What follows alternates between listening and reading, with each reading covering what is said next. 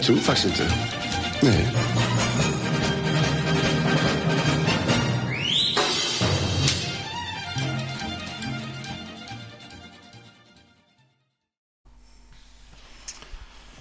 Ja, kära vänner. Vilken tid. Vilken rörelse, vilken dynamik. Vilken utveckling, vilken optik. Ja. Människor börjar få andra bilder av tillvaron. Ja, det framstår som att eh, väldigt mycket har varit planerat. Strategiskt planlagt liksom. Saker börjar gå samman. Mm. Åklagaren i Delaware. Oj. Mm. Möjligheten att palma hem på skatteobligationer. Mm. Mm. Ja, dåliga politiska beslut. Mm. Kan ha varit planerat. Mm. Ja, vi får väl se. Vi eh, skriver den eh, 13 januari 2023. Det är fredagen den 13 alltså. Mm. Det är bra, det är bra, det är bra. Lite speciellt kanske. Ja. Jag undrar, ja. Jag undrar. Mm. Men en sak vet jag i alla fall. Att på fredagar, då är det dags för fredagsmys. Ja, ja men det är väl lite tjusigt Sådär måste jag ju säga att jag tycker. Alltså, den ska inte sticka upp så mycket. Så ska den vara. Ja ja, det är en mycket speciell tid här alltså. Får man nog fan säga. Mm. Ni är fantastiska. Hur det liksom tätnar, det går ihop enas kring vad som egentligen utgör problemet. Det spelar inte så stor roll vad den inrikespolitiska situationen för med sig. Nej, det gör ju inte det. Mm. Ja. Men det här kommer vi tillbaka till idag många gånger. Men först ska jag som alltid tacka för allt ni gör i det här folkbildningsprojektet. Tack för att ni är den förändring som vi vill se i vår omvärld. Den sprider sig, den sprider sig. Tack för gåvor på Swish och Patreon och tack för att ni fördjupar er på karlnorberg.se och tack för att ni hänger på Telegramtjänsten. Och ja, ska vi kalla dem för vidarepoddar då så inte alla, någon surnar till då? Ja. ja, också nästan nedlåtande till det va? Mm. För det är väl trots allt inte budbäreriet som är huvudfrågan. Även om det är nödvändigt så, så är det inte liksom... Det är inte personrelaterat sådär. Nej. Nej, det där är ju lite speciellt alltså. Det är inte så lite speciellt heller kanske. Eh, underlivsporslinet där, amerikanska inrikespolitiken verkar på något vis komma att göra sig gällande för svenskt vidkommande. Vad händer till exempel om den här banken där? Han Jerome Powell var väl förresten i, i, i Sverigeveckan och mm, tacka Stefan för ja, Låsa-Nisse då för väl förrättat värv och mm, konstigt det där. Han har ju traditionen i väggarna som man säger. Mm.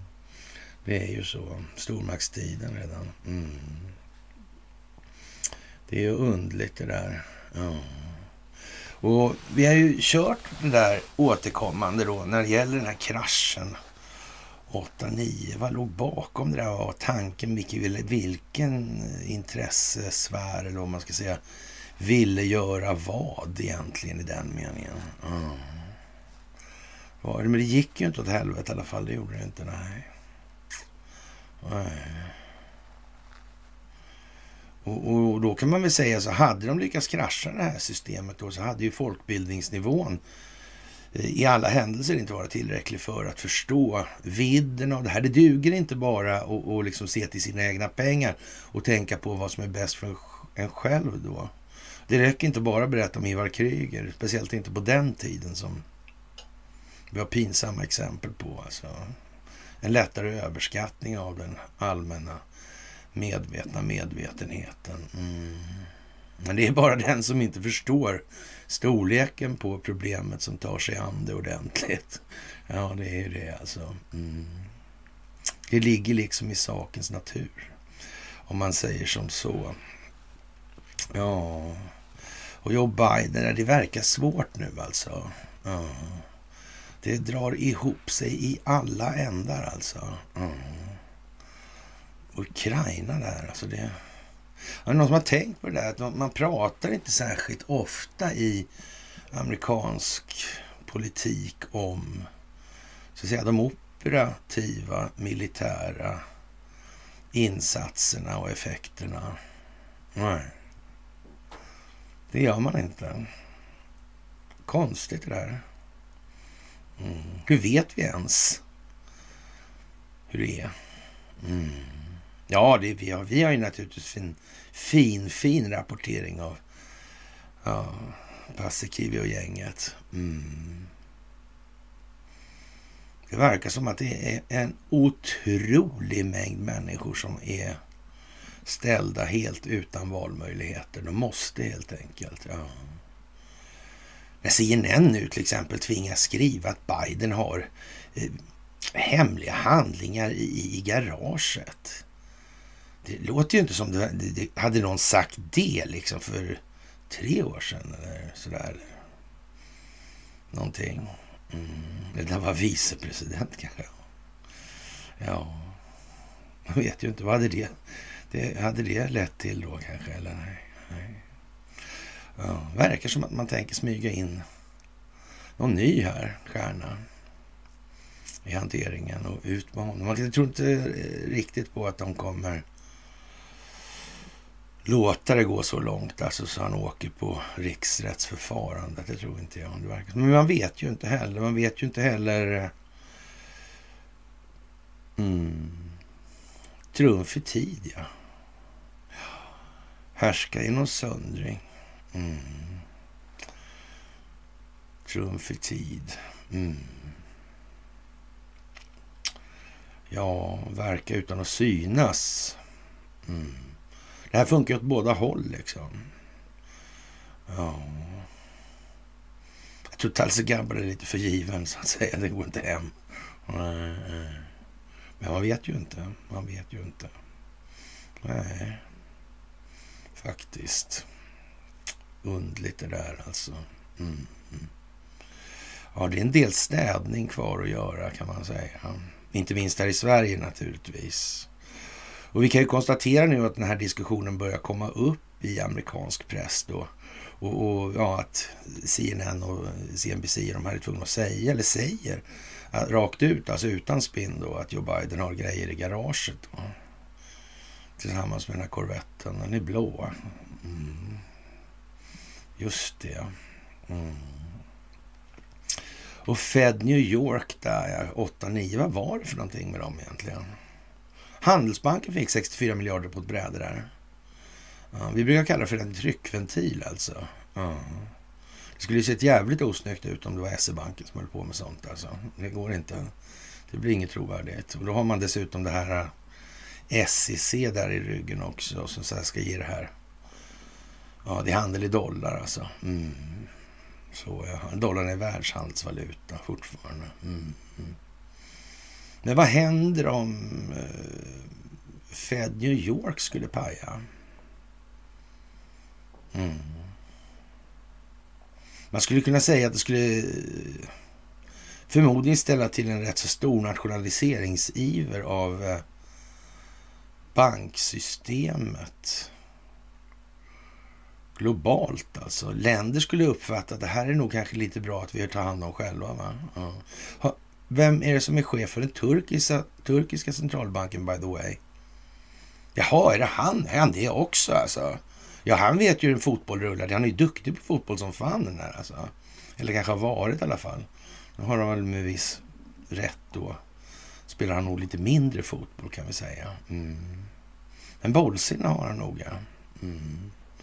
Han fattar det där med att det rullar lite lutar. Och, Och som sagt, ja, jag sket, sket en lök stor som en pumpa. Jag såg den komma, som jag ser det direkt när det gick att se, men mm, naturligtvis var det tidigare än så. Så var det ju naturligtvis. Han finns på en bild den här. Han håller ett förstoringsglas tillsammans med tre andra. Mm. Han är lite sur nu på Sverige verkar det som. Mm. I alla fall i optiken. Ja. Men i verkligheten kan man nog räkna med att han skiter höger fan i det här landet på, ur det perspektivet i alla fall. Jag tror han förstår de lite vidare vyerna. Mm. Det var ett återkommande ord man använde förr förresten. Farmor eh, sa ofta det när jag var lite snäv i tanken. Och, och gärna eh, åma mig över att det var lite synd om och sådär. Och så. Fick man höra att man skulle vidga sina vyer lite. Mm. Jag ska vilja säga i den åldern då, så när man ja, inte hade börjat skolan än kanske ens. Då, ja, ja, man lämnade kanske inte så mycket eftertanke. Nej, det gjorde man nog inte. Nej. Och samtidigt som det här händer då, nu lämnar vi farmor alltså. så verkar det som att den här uh, Seth Rich börjar röra på sig i skuggorna. Ja, konstigt det där.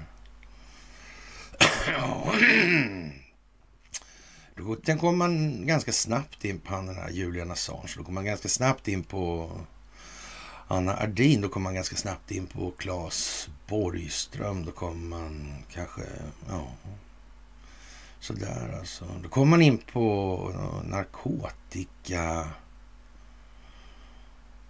handeln. Mm, varför då? Jo, därför att eh, Claes Borgström till exempel, han Ja, till plägade ska jag säga då, när ni sa hädangången. Så att, mm, man plägade faktiskt kritisera den här äh, som sätter priset på narkotika, alltså den som fastställer farlighetsgraden. Mm. Och det är inte så att Claes Borgström var någon äh, så att säga, vit riddare. Nej, det var han inte. Äh, men han ansåg nog kanske att det här var väl lite väl klumpigt och uppenbart. Det här skulle inte ta så lång tid innan folk började upptäcka då, ska han säga, som han i kvickfallet. Men ändå, alltså, man kan förstå lite nivåerna, alltså, hur man reagerar. Mm. Det där är lite osnyggt alltså. Farlighetsnivån, ja. Carnegieinstitutet. Bejerot. Mm. Ja, ja. Det är sådana tider nu när Sara vill legalisera narkotika. Mm. Det är ju speciellt. Mm. Det verkar gå ihop, det verkar konvergera helt enkelt. Det känns som det är liksom, det graviterar runt oh, den största massan där. Mm. Det hamnar alltid i kärnan på något vis. Ja, det gör ju det. Jag rullar Volvo. Mm. Tänk hur det kan bli alltså. Det sitter liksom ihop det här. Mm svenska åklagarväsendet. Fast de tog det där på både Palme och Estonia. Va? Var det inte så? Mm. Säkerhetspolisen var inblandad här och var alltså. Undligt, undligt, undligt. Ja. Ska vi med de där till, brukar vi säga. Mm. Det har vi anledning att återkomma till, det kan jag helt klart garantera. Mm. Det där är som det är helt enkelt. Mm. Det här är ju sen gammalt tillbaka, alltså Adlercreutz och det här. Oh. Och, meningen med de här namnen jag eh, hela tiden slänger ur mig, det är för att jag ska verka märkvärdig, liksom visa att jag kan massa saker. Nej, det är det inte. Det, det är meningen att man ska ta sin dator och slå det där namnet. Och, och se vad det där för gök liksom. Samma sak i diskussioner i sådana här chattar och sådär när jag då närvarar i sådana där eh, ja, vad ska man säga, det, det, det är inte allmänna chattar. Så det, men ändå, alltså, så är det, samma, det är samma sak där. Alltså. Meningen är alltså att na, det, det, går inte att dra eh, storyn liksom bakom varje sån här. Det går inte.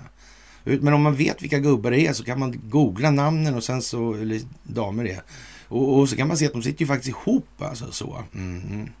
Och så lägger man in det då i den här utvecklingsskedet som beskrivs i diskussionen så ser man liksom en större bild av det här. Va? Och då har man en större möjlighet att länka över till ytterligare vidare perspektiv, vidare perspektiv och så vidare. Det är lite av den metodiken som man får använda sig av pedagogiskt i det här. Och, och, eh, då älskar man ju verkligen, i alla fall jag då ska jag säga, verkligen älskar det här när man får höra det här. Nej, men det ska vara eh, raka rör, va? kort, rakt och enkelt. Ja, man får nästan lust att bara skrika liksom. Är det för att du älskar att låta bli att tänka då? Eller vad, vad är anledningen menar du? Mm. Man får faktiskt eh, fundera lite nu. Det här handlar om att höja det enskilda medvetna medvetandet. Och vem fan är det som kan göra det åt någon? Ja. Det kan alla bara göra åt sig själva. Så. Mm. Och lika förbannat måste man hålla reda på allt ifrån det till det geopolitiska spelet för att kunna få någon, någon som helst verklighetsförankring i sin, sitt beslutsfattande då. Så är det ju också. Jag menar, vad är meningen att tjattra om migrationsfrågor, skjutningar och sån skit alltså? När orsakerna till det li verkar ligga ljusår utanför synfältet. Jag menar, det, det, blir tokigt nu alltså. Verkligen tokigt. Och om vi säger så här, det här systemet är skuldmättat och Fed New York kan kraschas vilken sekund som helst. Men man kommer ju naturligtvis se till att skuldbördan hamnar där den ska. Mm. Framställa tingens ordning för vad den är. Mm. Så är det. Och jag tycker det är återigen alltså så fantastiskt att få göra det här tillsammans med er. Det är helt otroligt alltså. Det hade man aldrig vågat hoppas på någon gång. Och för övrigt hade jag aldrig vågat hoppas på att jag skulle befinna mig i en sån här situation heller på ur flera perspektiv faktiskt. Jag, jag såg inte på mig själv som någon, någon ja, särskilt utpräglad moralisk riddare. Det är jag långt ifrån att göra nu också. Så det, men men jag, ja, jag tänkte väl men ändå alltså. Äh, nej, nej. Den girigheten var, gick inte av för hacker en gång i tiden om man säger som så. Det, den var väl tilltagen alltså. Och det här med informationen då, informationshanteringen. Det har ju blivit någonting helt annat än vad det har varit nu helt plötsligt. Folk börjar förstå, folk börjar se, folk börjar ta till sig upplevelsen av det här. Det förändrar mångas självbild alltså. Det förändrar deras känslogrundande värderingar. Vilket i sin tur leder till den här förändrade självbilden. Människan är inte ond i grund och botten alltså. Man kan ju säga så här, om man tar den Maslows behovspyramid, eller vad vi ska kalla det för, de mest basala grejerna sådär. Men sen måste man ju liksom, för att komma vidare uppåt, måste man ju stänga av då så att säga. Mm. Alltså vad banal är ju någonstans också att eh, söka de ja, primitiva känslornas bekräftelse. Det är ju inte att låta tanken styra. Eh. Och så frågan är hur banal ska någon vara? Är det, är det någon annan eller? Det, det, det, går alltså inte att ha en kultur där man så att säga hyllar det primitiva. Det, för det är ju så funktionsmässigt det fungerar nu. Det kommer inte bli särskilt lyckat. Nej.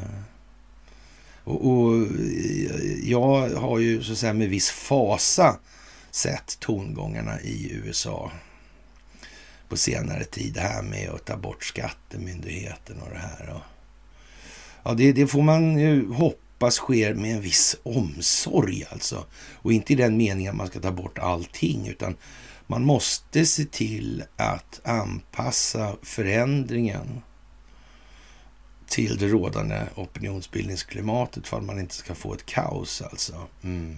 Det är ingen svensk som tror att det skulle vara skitbra att ta bort alla samhällsfunktioner och låta folk gå beväpnade. Det skulle bli olyckligt för samhällsutvecklingen, helt säkert. Man kan nästan krast uttrycka det som att den eh, svenska befolkningen är knappast mogen för det. Alltså. Och fine, som jag sagt tidigare, alltså, i den bästa av världar, förr eller senare, mm. så kommer dagens mått på samhälle verka helt urmodigt. Alltså, hur kunde det vara så jävla dumt? Såklart. Ja. Såklart. Och det handlar om informationshanteringen hela tiden. Mm. Det var inte så att det var svårare att utöva förtryck när man hade då, så att säga, det totala monopolet på det offentliga ordet. Mm. Nu spricker det där på något vis. Och nu är det inte ens eh, särskilt, eh, ja det är svenska naturligtvis, eh, mediekollektivet som tycker att det är de här ryska bottarna och, och så. Nu visar det sig att Twitter motsäger det där alltså. Och man har till och med lagt manken till alltså för att hejda de här grejerna. För det är inte så helt enkelt. Det har de kunnat se hela tiden. Och det har de ju ja, så att säga, dokumenterat när de har påtalat. Men det spelar ingen roll. Alltså medierna pumpar ändå. Mm. Konstigt det där. Konstigt faktiskt. Ja. Och nu har, vad heter det, igår så nominerade amerikanska justitiedepartementet de här som bestämmer över Ericsson. I alla fall en del av det där, men det är inte hela det amerikanska justitiedepartementet som är helt solitt då, om vi säger. Det är det inte. Nej, det är det inte. Men nu har man, det här Merrick Garland har då utsett Robert hur som specialistjurist för att utreda Joe Bidens hantering av hemligstämplade dokument. Och, och Cash Patel, han, eh, ja, han förutspår att han tror att vi kommer få se och ja, för att få reda på att Joe Biden hade många fler platser där dokument lagrades felaktigt och justitiedepartementet har känt till det här ganska länge. Mm.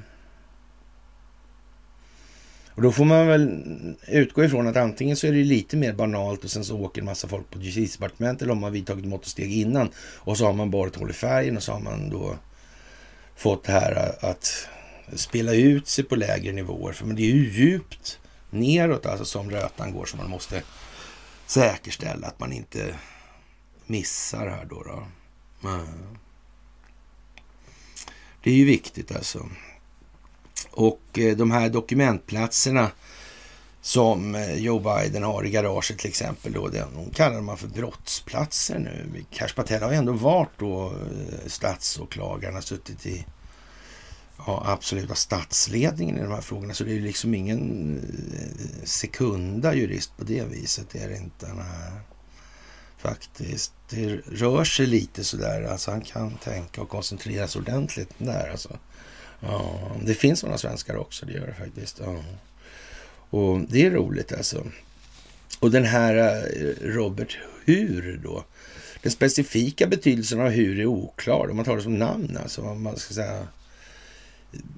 Det, det är ofta så där med proprienomen och sådär. Alltså man får tänka, det är alltid folk som håller på och larvar sig sådär och tycker det är roligt. Då. Men i alla fall då, det är oklart i alla fall. Och, och, eh, bland andra möjligheter kan det betyda något vitt. Alltså lite sådär, man ska nästan kunna säga som, lite som Gandalf i Sagan om ringen. Han var lite sjaskig innan han ryckte han upp sig där då. då när han hade eh, bråkat med Balrogen där. Han hade mött sig själv och sina egna tillkortakommanden i själen då. Mm.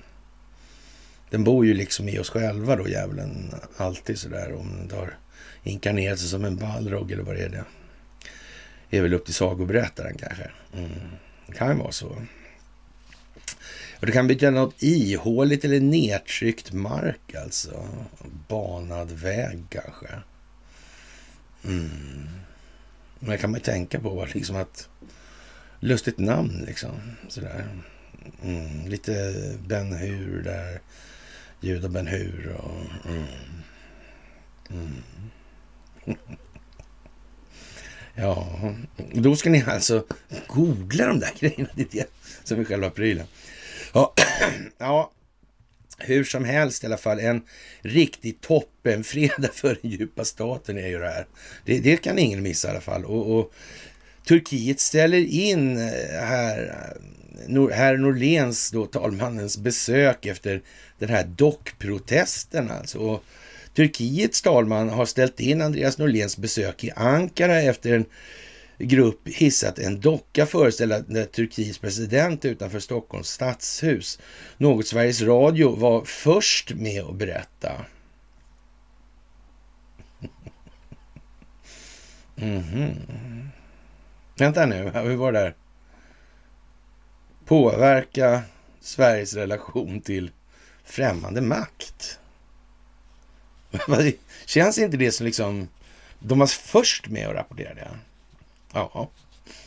Mm -hmm. Jaha, jag vet inte ja. Eh, ja. Men det här kan man ju inte säga inte försämrade Sveriges relation till främmande makt. Det verkar det ha gjort ju. Mm, jag vet inte hur det där ska bli alltså. Ja, dockan som sattes upp under torsdagen var hängd upp och ner och anspelar på Mussolinis död alltså. Ja, det kan man ju tänka sig. Vem var det som satte dit Mussolini? Var det en gubbe som hette Volpi de Moserata? Mm, han var bankir. Mm. Han kände en annan sån här bankir i de faggorna. Sådär lite gubbe. Ja, sådär. Ja. ja, vad hette han då? Nogara, Bernardino Nogara tror jag han hette. Något sånt där. Mm. Han sålde försäkringar och sånt också tror jag. Mm. Jag kände till arresteringsprocessen, jag bestämt för mig. Mm. Mm. Undrar vad det där har för gemensam nämnare. Vad, har det funnits telefoner i Ericsson? Nej, det sa jag inte. Utan, men har det funnits telefoner i Italien? Ja, länge då? Ja, 100 år var det 18 så. Mm. Eh, Mussolini tillsattes 22. Mm. Inte som man försöker fibbla till i efterhand och konstruera, för det står ju på hovets hemsida när de firade det där jubileumet. Jaha, de firade på olika kanske då. Det var visserligen kung var med på ett då i alla fall, och det var ju 18, men det står där ingenstans där att han var med 22, något sånt där, eller nej, nej. Det är ju väldigt oklart det där alltså. Mm. Ja, nästan som man får liksom en känsla av att ja, men det här är väl ändå meningen att vi ska liksom upptäcka, tagga på och så vidare. Men då krävs det ju å andra sidan att då har man ju en otrolig så att säga, kraft i möjlig påverkan från de som motverkar den djupa statens sida. Alltså. Så måste det ju vara då. Det kan inte vara på något annat vis faktiskt. Och det är ju lite spännande rent utav skulle jag säga. Ja. Man kan nog nästan misstänka att det har varit i väldigt, väldigt, väldigt stor säck. Ja. Frågan är om hela processen sen, ja, hur länge då liksom? Ja. ja, åtta verkar det ju definitivt vara någonting i görningen med den här kraschen som inte blev av alltså. Ja, det verkar det ju vara. Och, och den girige eh, svensken reagerar så ja, de ska dra ur det sista. Ja, men vänta nu. De fattar att det här är skuldmättat alltså. Och, och, de vill väl inte ha liksom någon lång jävla utbildningstid på 15 år liksom. Jag menar, då måste det ju vara sophåll käften på allting. Och hur troligt är det att det blir det då? Ja, då får man nog fan se till att fixa det där med internet. Alltså, det gick ju inte så bra. Kanske man visste det också, man vet ju inte. Kanske AI var inblandat redan då. Möjligen, möjligen, möjligen, möjligen. Mm. Och det får in en otrolig mängd olika täter som egentligen bedriver då, ja, antingen då en ganska bred skyttelinje eller också det växelvis framryckning helt enkelt i terrängen. Mm. Så blir terrängen då liksom, går från att vara ganska hurisk då kan vi dra till det med oss, så säga, till att bli lite mer medelsvår. Va? Och, och, när det är som mörkast, då kommer visst ljuset alltså. Ja. Kommer från öster där. Det var rätt mycket tappade sugar häromdagen va? Var inte det? Jag tror det. Ja, lustigt att de verkar lägga de här spelväxlarna på årsdagar också. Det tycker jag är konstigt. Ja. En sak var det här med Q-projektet kan vi ta upp lite grann sådär. Innan vi fortsätter med Mussolini och, och dockor och sådana grejer.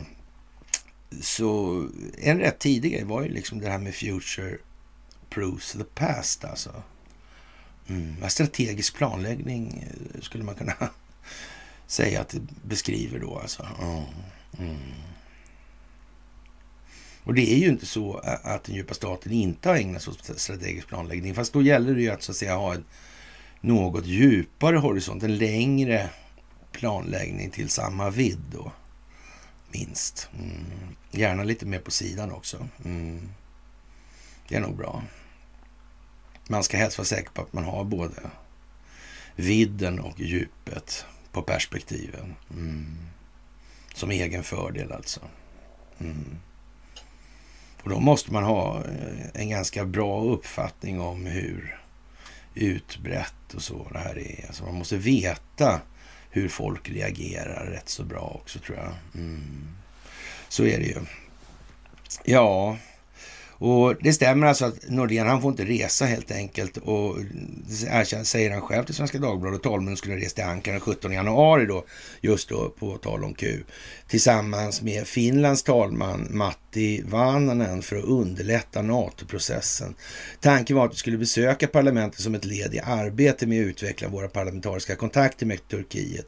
Matti Vananen och jag såg att det fanns ett behov av att utveckla kontakterna när tanken är att vi tre länder ska ingå ingå i samma försvarsallians, säger Andreas Norlén. Och, eh, tänkte de det alltså? Eh, på något vis, alltså talmännen tyckte det. Mm. Det kan ju vara någon form av konstitutionell ordningsfråga det här naturligtvis. Det kan det ju vara. Mm. Hur var det där med talmannens roll i de här eh, utrikesutskottet och utrikesnämnden och det här konstiga. Ja. Ja, jag vet inte. Kan det ha någonting med det att göra? Men där är ju kungen inblandad också. Han kommer vi till senare idag faktiskt. Vi har ju en eh, rätt så frän... en ormig historia helt enkelt. Ja, det kan man fan med säga alltså. Mm. Mera orm då liksom. Ja, kanske röda orm. jag vet inte. Gammalt det här. Jaha, och han tillägger alltså att resan inte var tänkt som en förhandlingsresa och att det är regeringen som sköter själva förhandlingarna.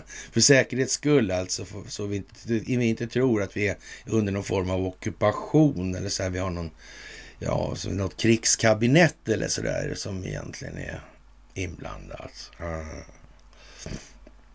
Ja, det är ju underligt det här alltså.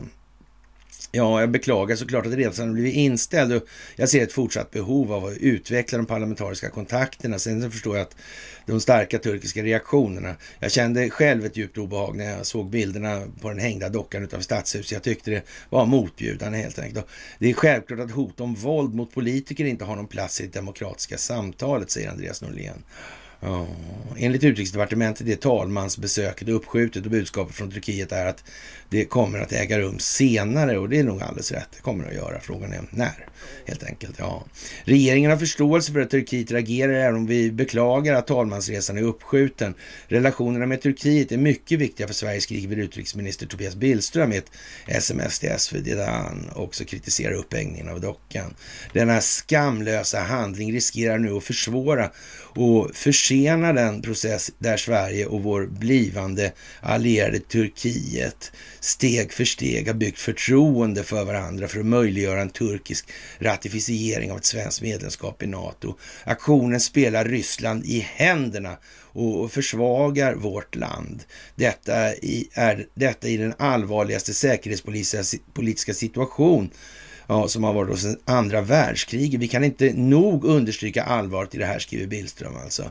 Och ja, jag vet inte, bakom torsdagens dockprojekt står Rojava eller Rojava-kommittéerna, eh, ett nätverk för solidaritet och utbyte med den revolutionära rörelsen i hela Kurdistan alltså. Ja, eh, det kan man väl säga är lite speciellt. Man måste nästan säga att det där är någon form av utlandsspioner. I alla fall är det någonting som försämrar, om man ska tro på utrikesministern och vad vi ska kalla honom för då i det här.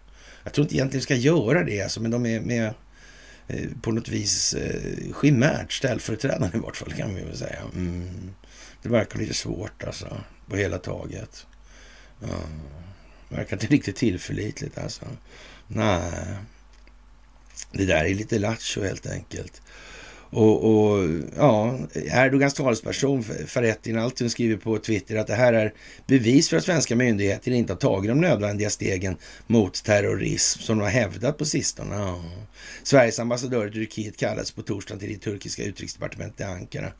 Protesterna har fördömts av flera politiker, förutom utrikesminister Tobias Billström också av Socialdemokraternas utrikespolitiska talesperson Morgan Johansson. Ja. ja. I TV4 sa statsministern, vad vi ska kalla honom för då, då ja, barnhandlarna som Ulf Kristersson på fredagmorgonen att han eh, betraktade händelsen som ett sabotage. Och, och, det är ägnat som ett sabotage mot den svenska NATO-ansökan. Det är farligt för svensk säkerhet att agera på det här sättet, säger Kristersson. Jag vet inte hur starkt det här eh, ja, försämrandet av eh, förhållandet främmande makt ska behöva bli då, rent optiskt, alltså som optik betraktat. Mm, går det så mycket värre verkligen? När hela jävla statsledningen då, hela horhuset står här och skränar liksom. Samfällt också. Är inte det lite konstigt? Vad va, hör vi ingenting? Varför hör vi de, de var ju först att rapportera det där. Mm. Borde de inte ha funderat på det här då kanske? Eller hur menar man egentligen nu? Mm. Ja, det är ju konstigt. Ja, gör man inte någonting åt det här nu då, med avseende på den här nya lagen? Ja, då faller ju lite av den politiska trovärdigheten kan man säga. Kan det vara en tanke det också kanske? Mm, för lagen som sådan är väl inte så dum egentligen?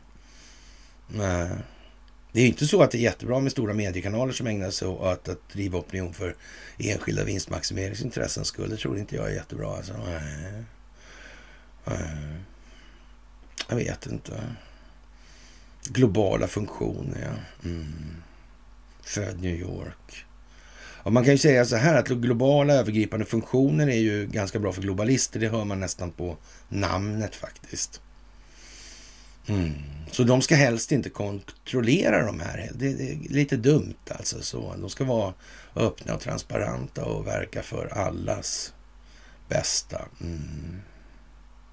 Ja, men de andra är så snåla och giriga. Det är vi som är så schyssta och bra liksom. Det visar sig. Ja. Mm, den här falska solidariteten. Stensson var inne på det igår, såg jag. Eller rättare sagt.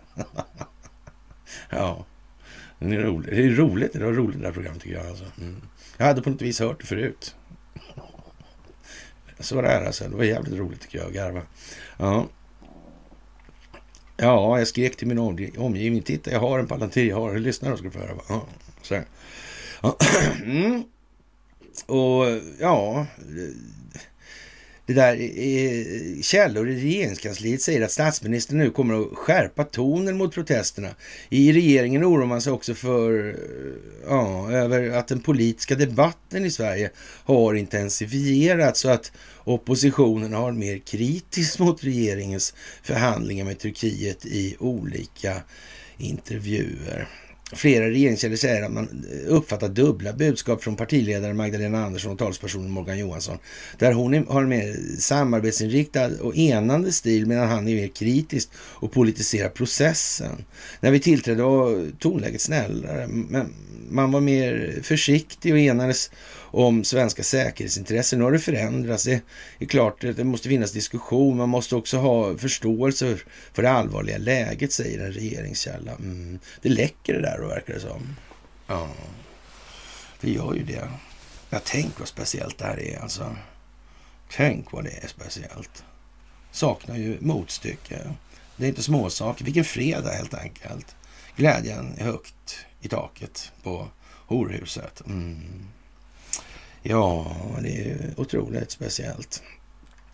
Ja, roligt i alla fall. Och kommentatorsfälten då på min Facebook-sida, de är fyllda av skrattgubbar och annat liksom.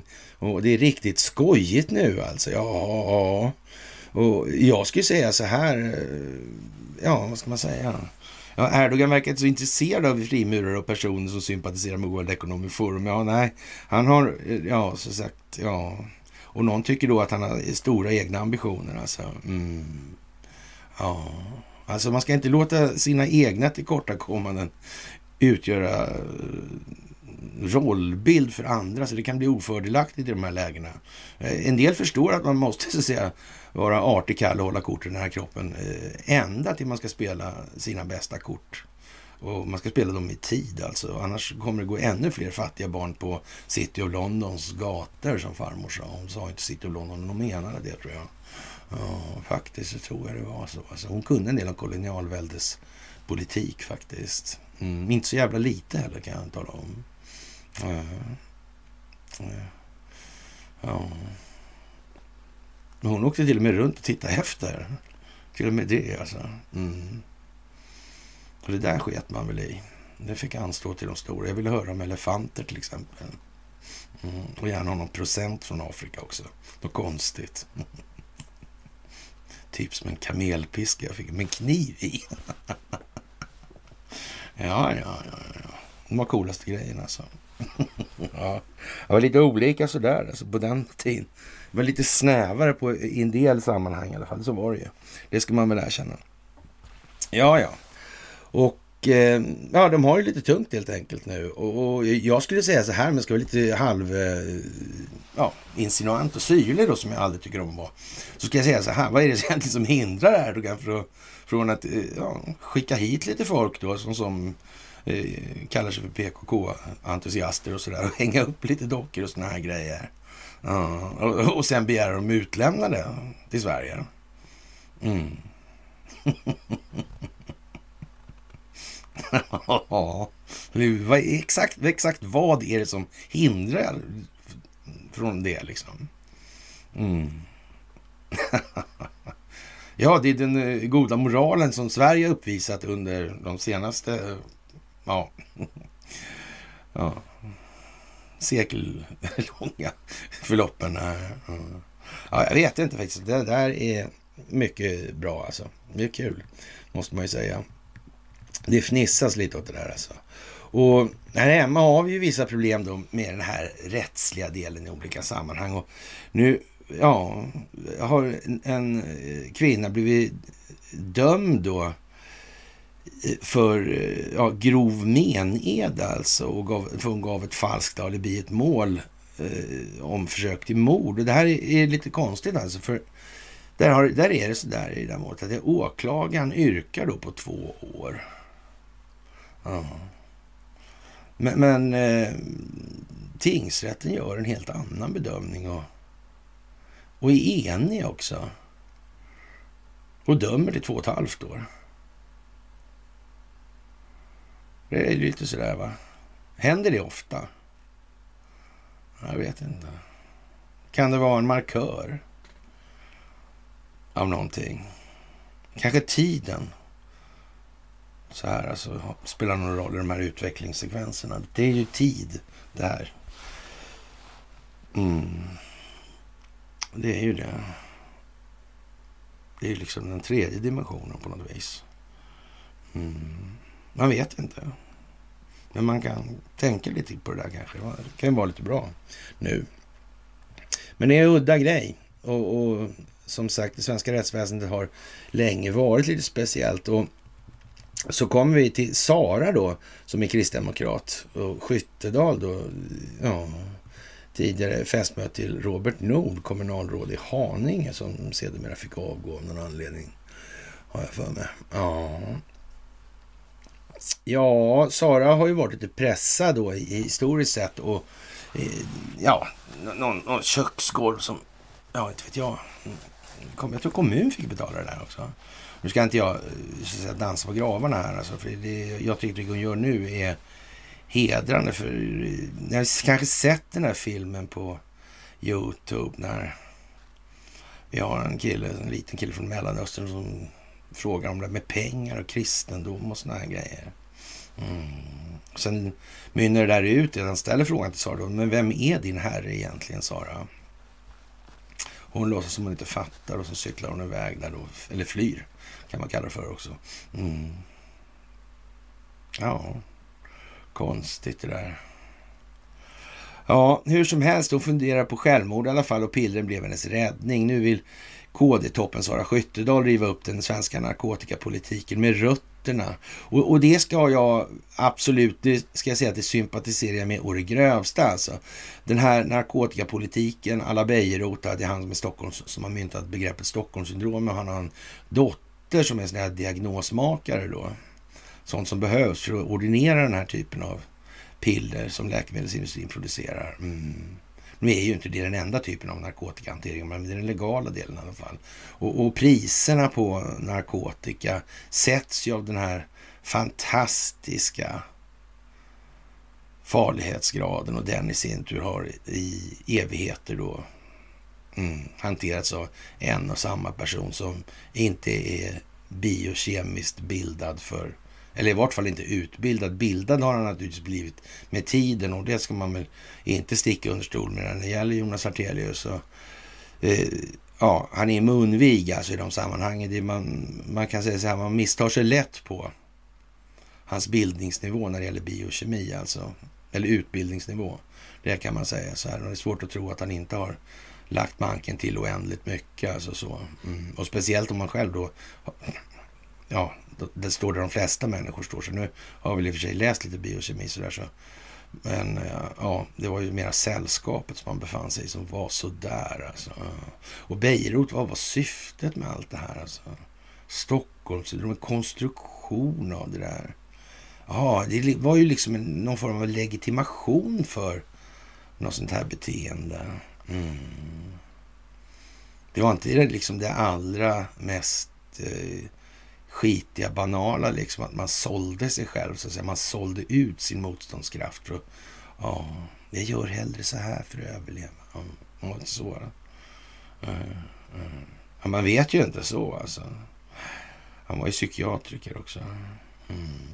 Konstigt. Narkotikapolitikens far. Ja, men jag tror, där har jag alltså klara sympatier med Sara i det här alltså. Och ja, hon vill starta ett systembolag för cannabis. Själv rökte hon gräs senast i somras. Dagens ETC träffar den evigt frispråkiga Skyttedal för ett rakt prat om knark, fossillobbyns inflytande och hennes eviga kamp för att göra EU lagom. Mm.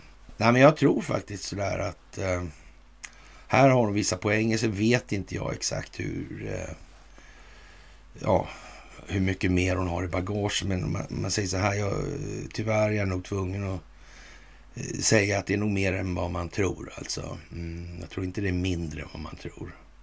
Nej, det där alltså. Det, ja. Och det är möjligt att det repas. Det är möjligt, det vet jag ingenting om. Sådär alltså. Men, men å andra sidan så är jag rätt säker på att hon kunde i alla fall inte hålla fast vid sitt tidigare beteende särskilt länge till. Det där hade bara, det ledde till vad det ledde till. Alltså. Ja. Det var bara så. Ja, och, och Kristdemokraterna som företeelse som sådan är väl liksom lite grann vad den är, ungefär som Centerpartiet lustigt nog. Lustigt nog som alla partier inom den svenska riksdagen. Mm, det är ju också så. Ja, och ja, det är ju liksom det lokala planet på något vis det här. Och sen är det ju så att säga styrs ju av det globala planet i grund och botten. Då. Och på det här globala planet visar det sig nu att eh, det har dykt upp ett band då. Och, och, eh, när Richard Nixon då hotar att avslöja CIAs inblandning i Kennedy-mordet. Mm. Och det här med Warren-kommissionen och Allen Dull och... Ja... Grisbukten, va? Så. Eller vad var det? Mm. Det var mycket konstigt med det där. Märklig grej överhuvudtaget. Faktiskt lustigt. Det här kommer nu. Ja, i tiden alltså. Mm. Och ja, Nixon har ju han skapat DA, va? Mm, det är, det, oh, det där alltså, så, man, så skulle man hålla koll. De fick på något vis för sig att underrättelsetjänsten var insyltade i narkotikatrafficking. Mm.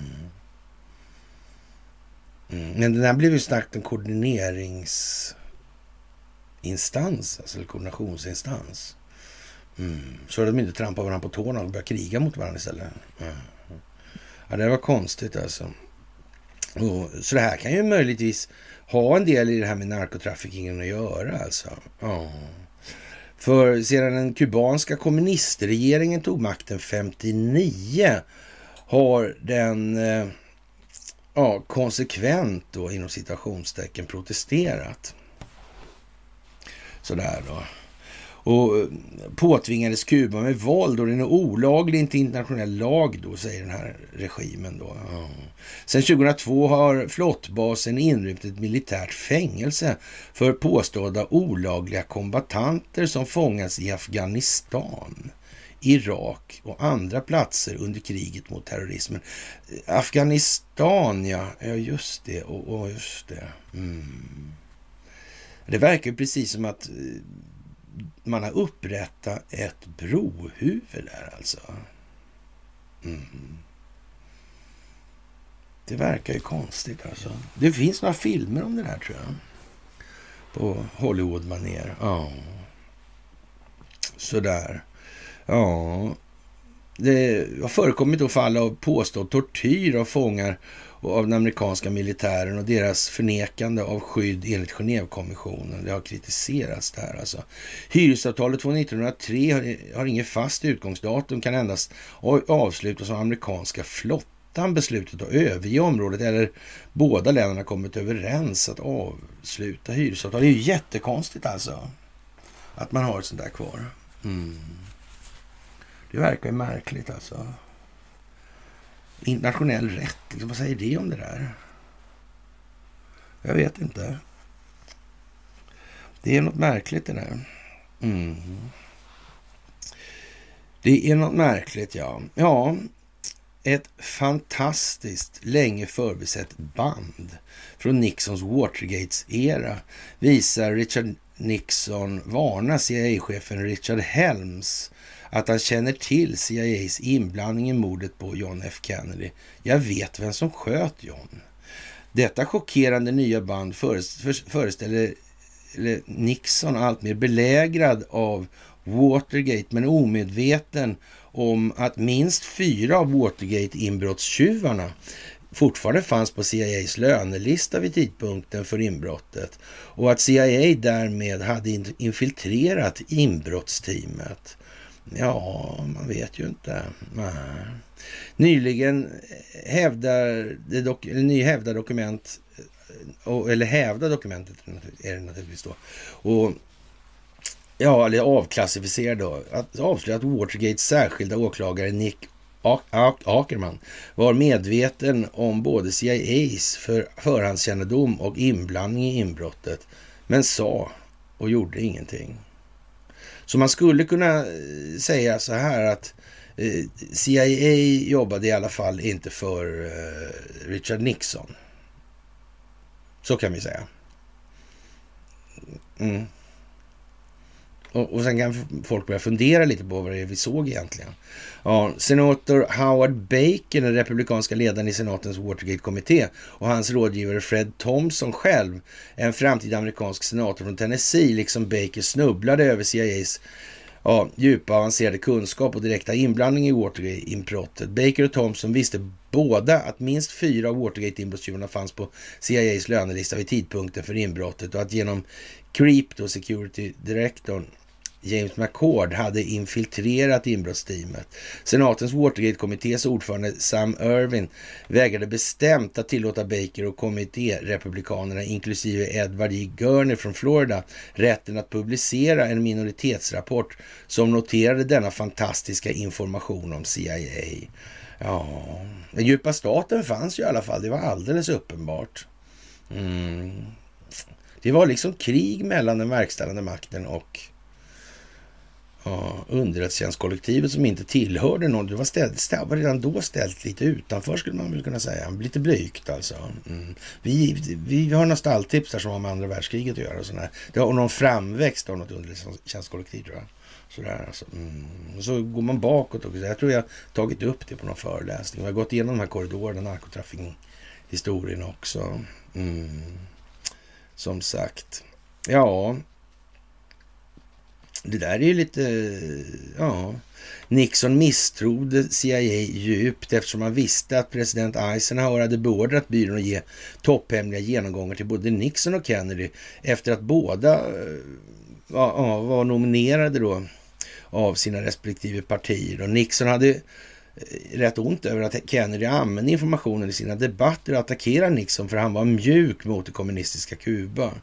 Eh, väl medveten om att Nixon hade varit ordförande för en arbetsgrupp som vicepresident som övervakar förberedelserna för invasionen av Bay of Pigs. Nixon kunde naturligtvis inte avslöja detta kommande försök att störta Castro i detaljerna. Alltså. Mm. Mm. Ja, ja, det har varit lite på G ett tag här nu kan man säga. Det kommer fram. Vita husets inrikespolitiska chef John Erlichman skrev att när han tjänstgjorde som Vita husets eh, juridiska rådgivare beordrade Nixon honom att begära att CIA skulle lämna över alla dokument som rör mordet på John F Kennedy.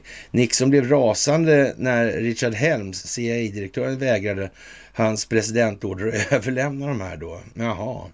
Och det här fantastiska bandet från Watergate-eran fångar en allt mer belägrad Nixon alltså. Aha.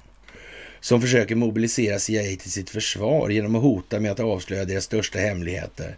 Nixon visste också att kongressledamoten Gerald Ford, alltså, ja, som, medlem, som var medlem av Warren-kommissionen också, hade på uttrycklig ja, anvisning av J. Edgar Hoover, FBI-direktören, ändrat den officiella obduktions Eh, Eh, upplagan, eller säga, inlagan kanske, mm. för president John F Kennedy flytta markeringen från en kula i hans övre rygg till halsen för att tillgodose teorin om en kula då alltså. Ja, och dölja det faktum att Kennedy hade träffats med flera än de tre rapporterade skotten. Ja, Nixon var mycket medveten om Fords förräderi då han eh, döljde sanningen om Kennedys mord och CIAs inblandning i här. Vita husets stabschef general Alexander Haig sa till mig i en intervju att Nixon hade Ford vid pungkulorna alltså. Och den femstjärniga generalen sa Nixon fick mig att berätta för Ford att om han, Nixon alltså, skulle sänkas så skulle han ta alla med sig. Mm, gjorde han inte det? Mm, varför då? Kan det vara så att man redan då såg, nej, det går inte. Det går inte nu. Vi kan inte ta Hillary Clinton och köra ut henne till Gitmo och nackarna.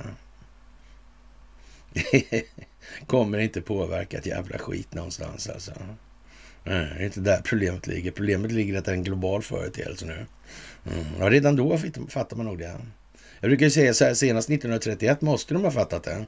Mm, det måste de ha gjort. Mm. Absolut. Och, och, det är ju ett understatement alltså. Mm. Det kan man säga. Tamme fan alltså. Det är ett understatement. Mm. Abdulhamid lär ha fattat det. Mm. Ja, han gav, delgav andra moral, sjöng Karl Gerhard om. Mm. Om det slumpar sig så, som så, om man får tid alltså. Mm. Ja, ja, ja, ja.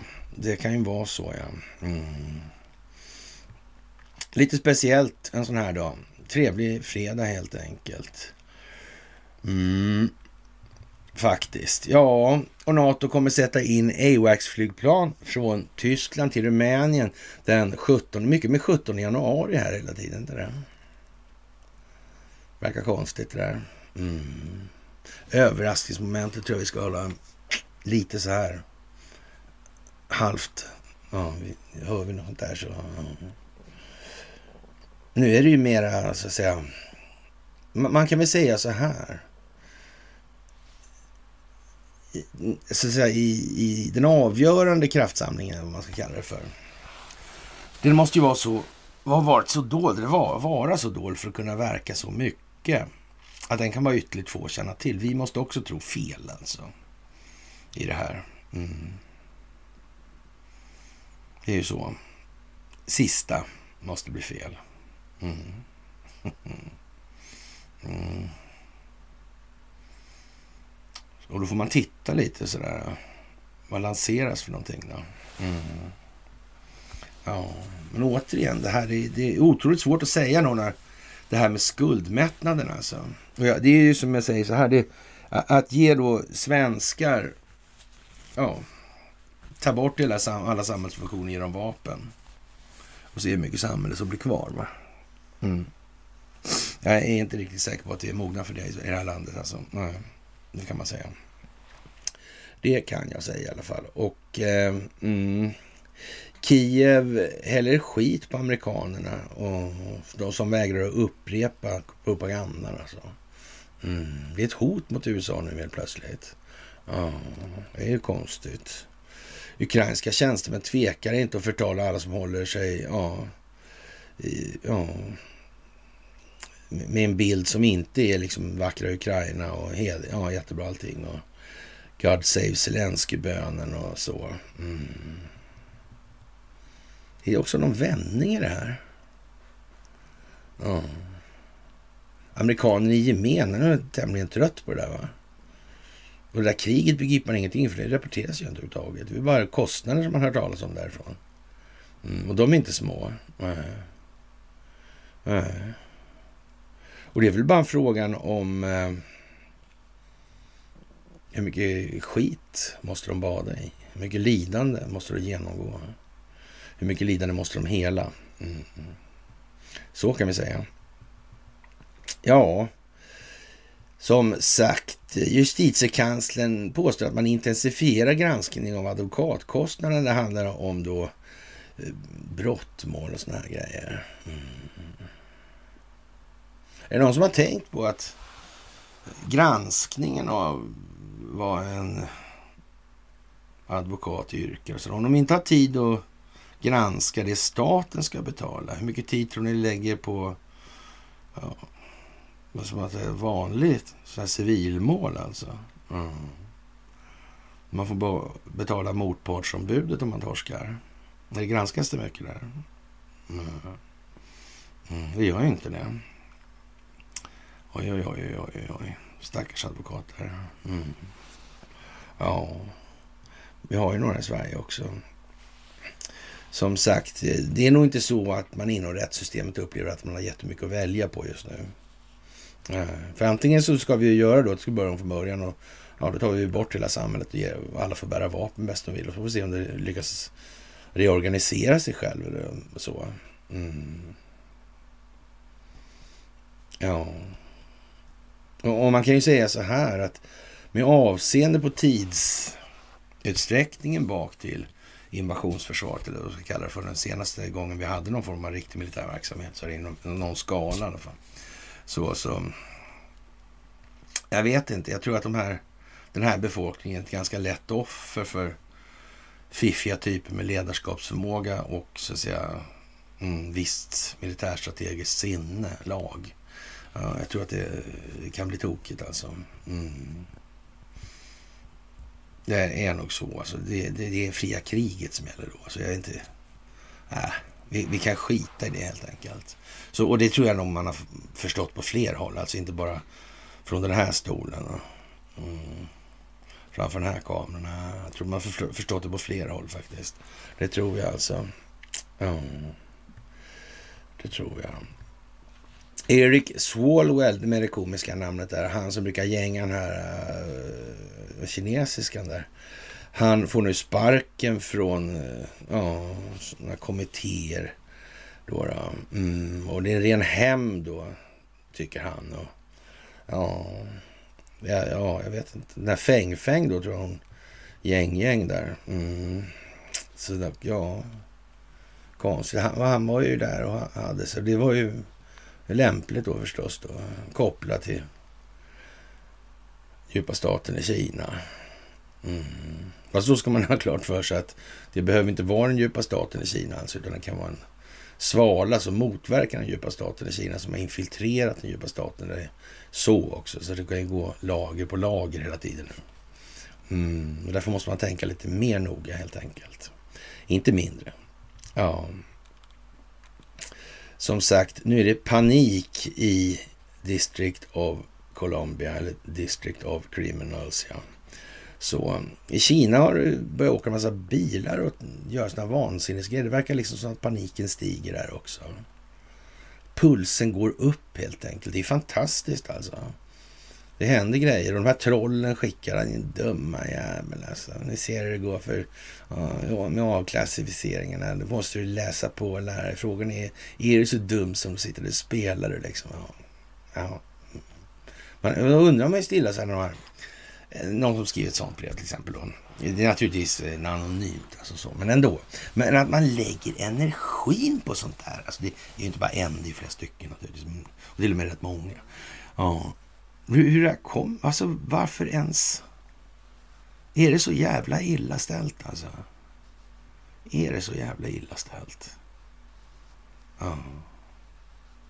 Jag menar, eh, om jag sitter här och babblar om geofencing och, och, och, sen så eh, uh, talar jag om då i återkommande då att vi är mätta nu. de mäter oss också av förklarliga skäl för att se vad vi duger till eller går för eller inte går för eller duger till då, eller vad det nu är för någonting. De gör det helt enkelt. Mm.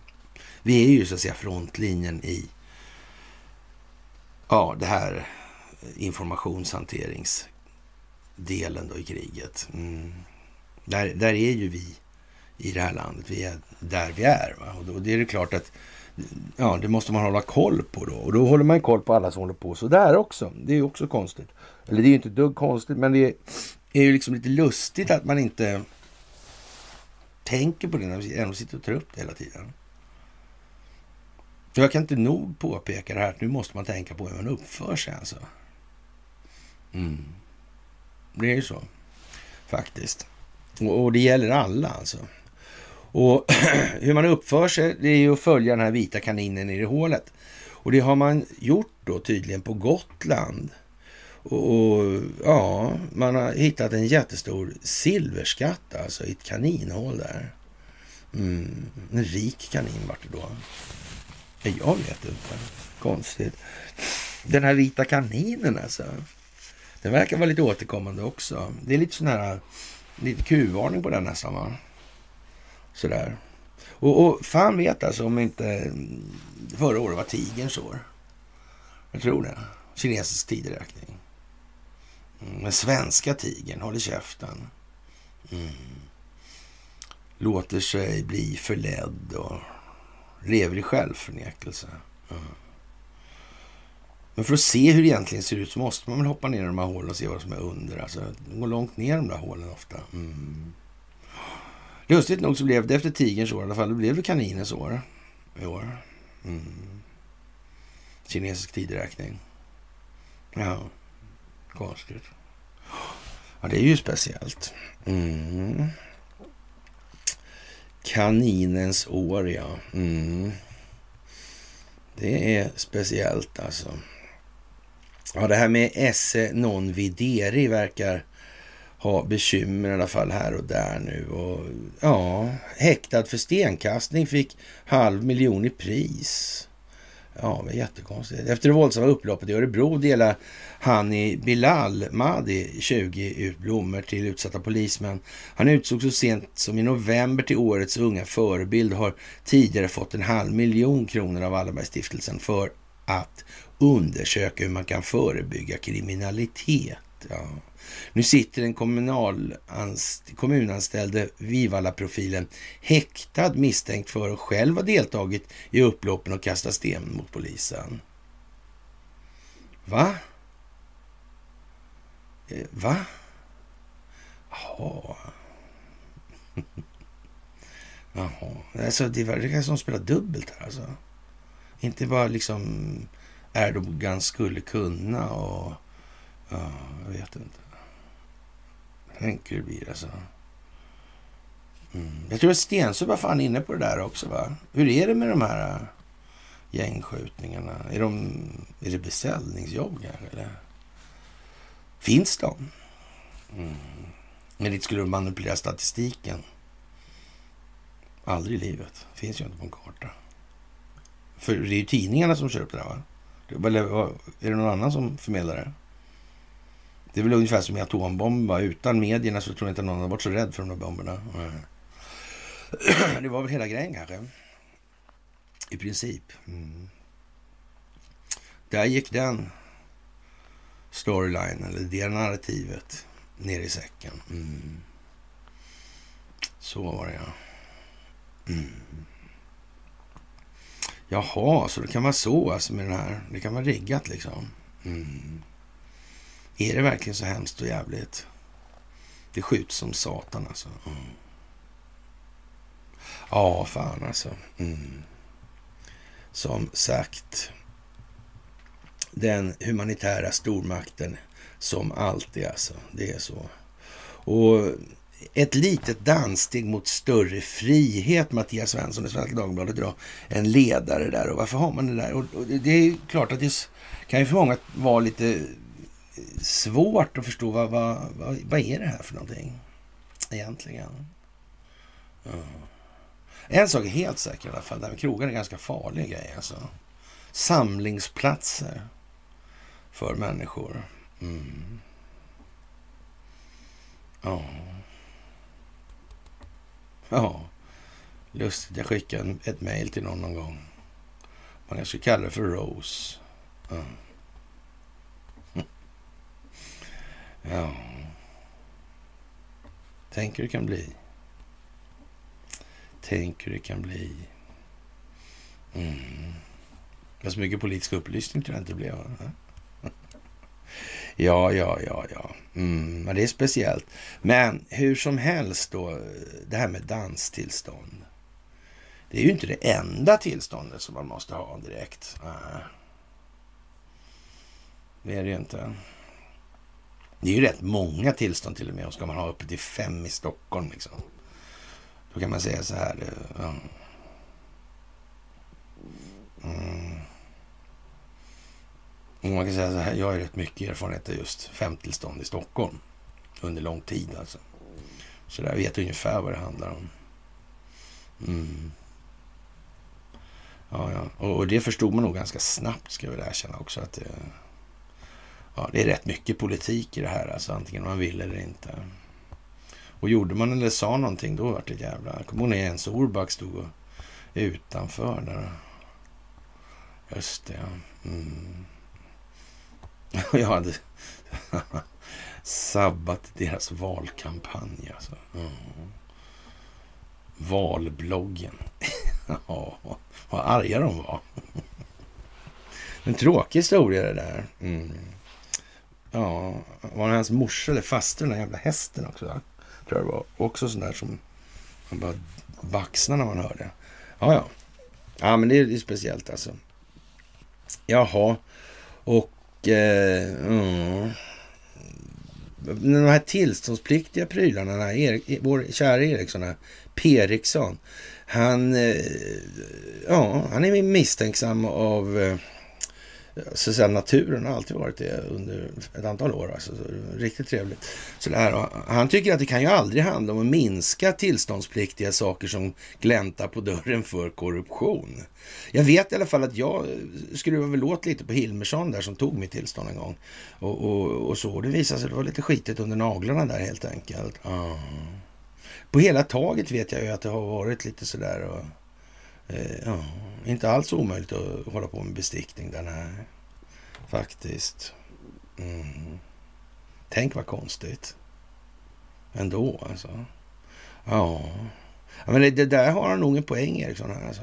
ja, sån här eh, byråkrati, verksamhet drar med sig eh, ja, mycket saker. Alltså. Lagstiftning, ordningslagen 93 kolon 1617. Och, och, ja, då blir det där, blir där det som tjänar pengar som ordningsvakter med tillfällen att smörja, bli smorda vid upphandlingar, utskänkningstillstånd och inse att samhället är konstruerat för att främja korruption. Ja, det är nog nästan så att man kan dra det dit hän alltså. Mm. Och, och sen så är det, väljer man att spela boll med det här då då får man vara med liksom. Och, och det där. Ja. Gör man det inte, då är det inte så svårt att vrida åt liksom. Mm. Det är ju konstigt. Har inte, om vi tar bara ett exempel så, som Vi, vi Stureplansgruppen. Har inte han bolag ihop med Wallenberg? Jo, men det har han va? Ja. Och Storstalin också. Hotellrum. Är det någon som har sett någon film där det görs upp några affärer på hotellrum? Ingen enda, nej. nej. Jag tror det. Det kanske kommer någon sån film. Mm. Ja, det där är ju speciellt alltså. Tänk om man aldrig kommer på att avlyssna de där eller bugga de där hotellen innan liksom, så att det är färdigt riggat för det liksom. Installerat och klart. Man slipper massa krångliga ingrepp hit och dit. Ja. Någon kanske har kommit på det. Har inte Storstaden hotell förresten? Mm. Jag vet inte. Mm. Kan någon ha tänkt på det där? Mm. Ja. ja, distributionsleden ja. Mm. Få ut skiten och in det på krogarna. Mm. Mm. Ja, det där var ju underligt. Tänk så det kan bli alltså. Mm. Ja, jag vet inte. Jaha. Och eh, ja, vad ska vi säga om det här? Cornelia har skrivit en lång, eller lång, så jävla lång är den inte, men eh, mycket förtjänstfull text här som jag tänkte läsa. Och det handlar bara om dig, ditt liv, din framtid, din familj och kommande generationer. Det handlar om oss. Vi tillsammans och vårt samhälle. Vi, vill vi ha ett samhälle där vi hjälper varandra? Eh, många ser polariseringen tydligt nu och vill se fred, frid och enighet. Det, det, vill vi alla och det kommer först när vi har tillräckligt många med oss då som förstår vad problemet egentligen består av. Det håller inte att enas bara för att enas. Enas kring vad i så fall? Alltså? Det du känner är en maktkamp, slutet av ett krig som pågått hela våra liv. Ett krig om vår frihet, vår medvetenhet och kunskap. Vi har varit en handelsvara, en intäktskälla som ska kontrolleras, styras och manipuleras till varje pris. Det är maktstrukturerna, de, ja, du vill, de vill inte att du ska förstå de här alltså. Du ska känna att du inte har någon makt att förändra något till det bättre. Du ska känna att denna byråkrati och korrupta maskin aldrig kan röras. Och det är oerhört bra poängterat. Jag stötte på fenomenet senast igår alltså. Många vill inte tro att människor vi litar på, folkkära personer, ja, personer, kändisar, företagsledare, politiker, media, myndigheter, regering, riksdag, kungahus skulle ha en annan information än vad du har, en bredare förståelse och en kunskap som undanhålls från dig. Anledningarna kan vara många men eh, kan summeras i en egennytta. Eh, kan vår vakenrörelse vara infiltrerad? Är det någon vi känner? Med, med, största sannolikhet så är det ju så, ja. Alltså. Hjälper det att misstänkliggöra varandra som människor? Nej, det gör det inte. Hjälper det att misstänkliggöra deras fake news, lögner, propaganda, defaitism, hopplöshet och allt som upp Eh, uppehåller oss vid kulisser eller skapar hopp, förtroende för detta systemet? Ja, det är det. Så är det också. Så är det också. Mm. Men sen får man naturligtvis välja hur mycket för de är outtröttliga för det enda de har va? och de har inget val. Ja, den som har enat många kring kärnproblematiken är ju faktiskt Donald Trump då. För er som bara lyssnar på media men aldrig tagit er tid att faktiskt lyssna på honom så rekommenderar jag att ni lägger fem minuter på att lyssna på vad han säger i ett tal 2016. Då. Han var först med att avslöja de här makthavarna som du aldrig valde. Dolda maktstrukturer, företagsintressen som inte vill folkets bästa. Ja, i USA var han väl kanske en rätt så framträdande figur i det här sammanhanget. Nu är ju inte, så att säga, ja, Sverige är Sverige, va? så det räknas inte riktigt på det sättet alltså. Och eh, ja, man, vad får man säga? Det här med Q då, den 17 och 17 bokstaven och det här. Och, ja, i, den 24 juni 2020 så skriver Q så här alltså. Uh, ja, som sagt. Q-följare, ja. Mm, det finns inget kanon då. Ingen kanon alltså. Eh, uh, anon är en sak och Q en annan sak. Ja. Ja, du har blivit utvald att hjälpa till och tjäna ditt land. Du drar dig aldrig tillbaka från slagfältet i Twitter, Facebook etc. Använd andra plattformar i så fall då, och, och, som en form av centraliserad ledning och kontroll. Organisera och anslut, brygga genom länkning. Ja, källa då, ja, vad är, vad är liksom, försök få in sådana här nyckelfunktioner och nyckelpoänger då hela tiden. Och nu är det mycket lättare för nu finns det tusen om dagen liksom. Det var lite svårare tidigare kanske då. Mm. Och eh, avvisa propaganda, ja, genomdriva push, eller publicering av forskning och fakta. Och försök vara ett stöd liksom. För andra i de här sammanhangen också främst. Och ja, som sagt, eh, vad, vad, vi har ju mycket enklare. Va? Så vi, vi, vi sitter ju bara och ältar kärn, kärngrejer hela tiden. Så konstatera att det gäller ju på resten av jorden. Då, man har 180 länder på Red Bee, 180 länder på eh, drygt alltså. Ja, på, på Ericsson och så vidare. Vi har ju mycket enklare än vad andra länder har. Alltså det, det sådär alltså. Och eh, ja, det här är med rätt så bra och eh, känna till nu alltså. Välkommen till det digitala slagfältet tillsammans så vinner vi alltså. Och det är liksom informationskrigföring det här handlar om. Det är ju det vi håller på med. Och som ni själva ser nu om ni tittar till exempel på Brasilien så ja, det verkar inte särskilt lyckat det där med att gå ut på gatorna och skräna. De som vill att man ska gå ut och skräna på gatorna, vad vill de att man ska åstadkomma då? Vem är det man ska visa? Vad ska vi visa för någonting? De, vi, vi har redan fattat att horhuset är korrumperat om vi säger som så. Och, och, att de inte kommer bli religiösa bara för att vi står och skriker på torg utanför. Det kommer inte att hända. De fattar väl vad fan vilka som är ansvariga. Ja, att de inte är de de har utgett sig för att vara. Så vad då ska vi ut och...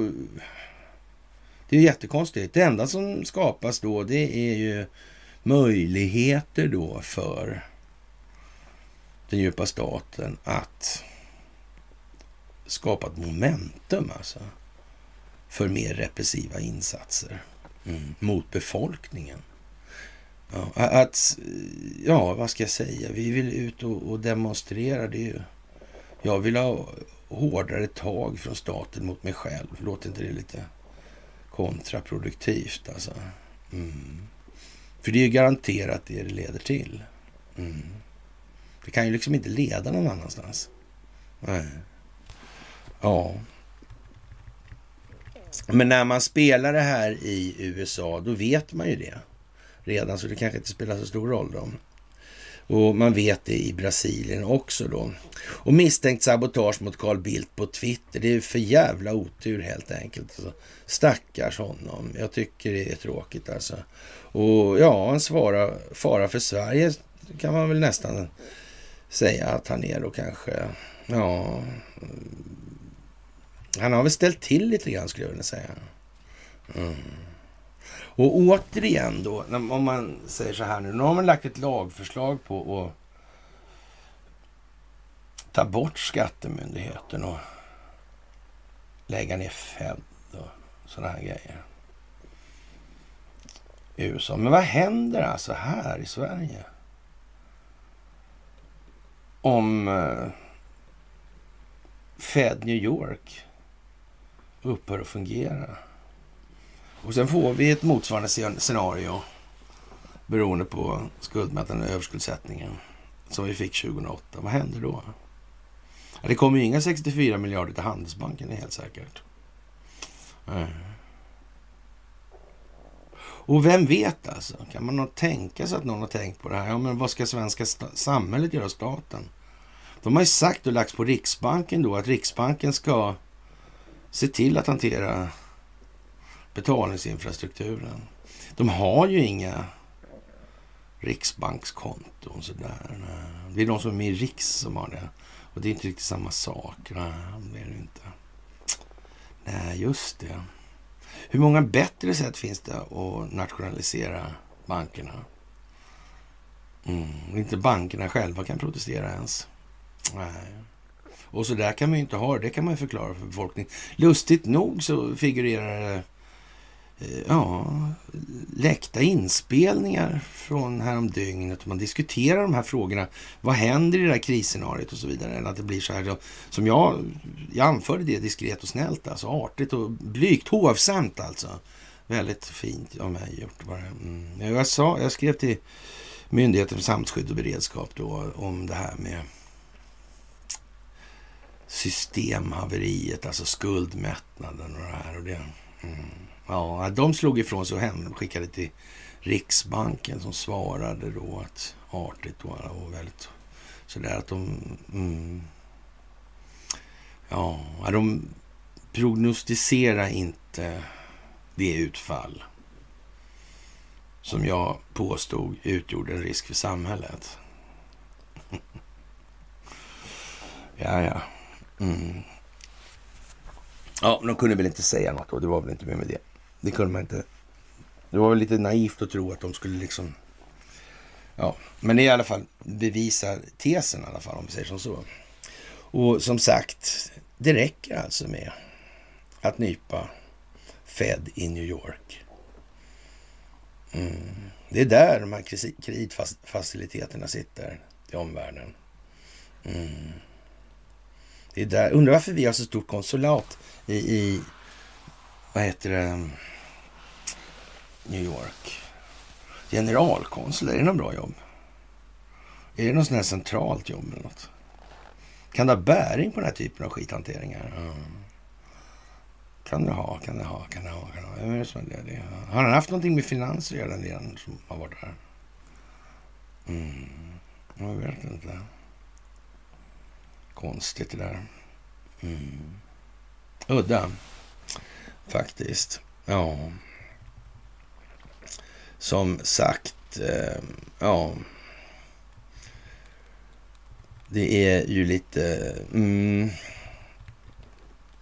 morgonens dystra inflationssiffra 10,2 procent bäddar för en ny räntesmocka från Riksbanken enligt flera ekonomer. Ja, dubbelhöjning efter elchocken alltså. Ja. ja, jag vet inte. Vad handlar det här om? Folkbildning. Mm. Det är det det handlar om. Mm. Det handlar om reflexiv kontroll. Mm. Så är det också. Mm. Göra det här tydligt. Vad det är som har förevarit. Vad det är som försiggår. Och vad som, om man inte ändrar på sitt eget beteende, kommer att bli. Mm. Så är det också. Och det är viktigt, viktigt, viktigt, viktigt. Ja, och det här med våra marionetter där överhuvudtaget, jag vet inte. det är, är det någonting som är intellektuellt oklart egentligen? Jag vet inte faktiskt.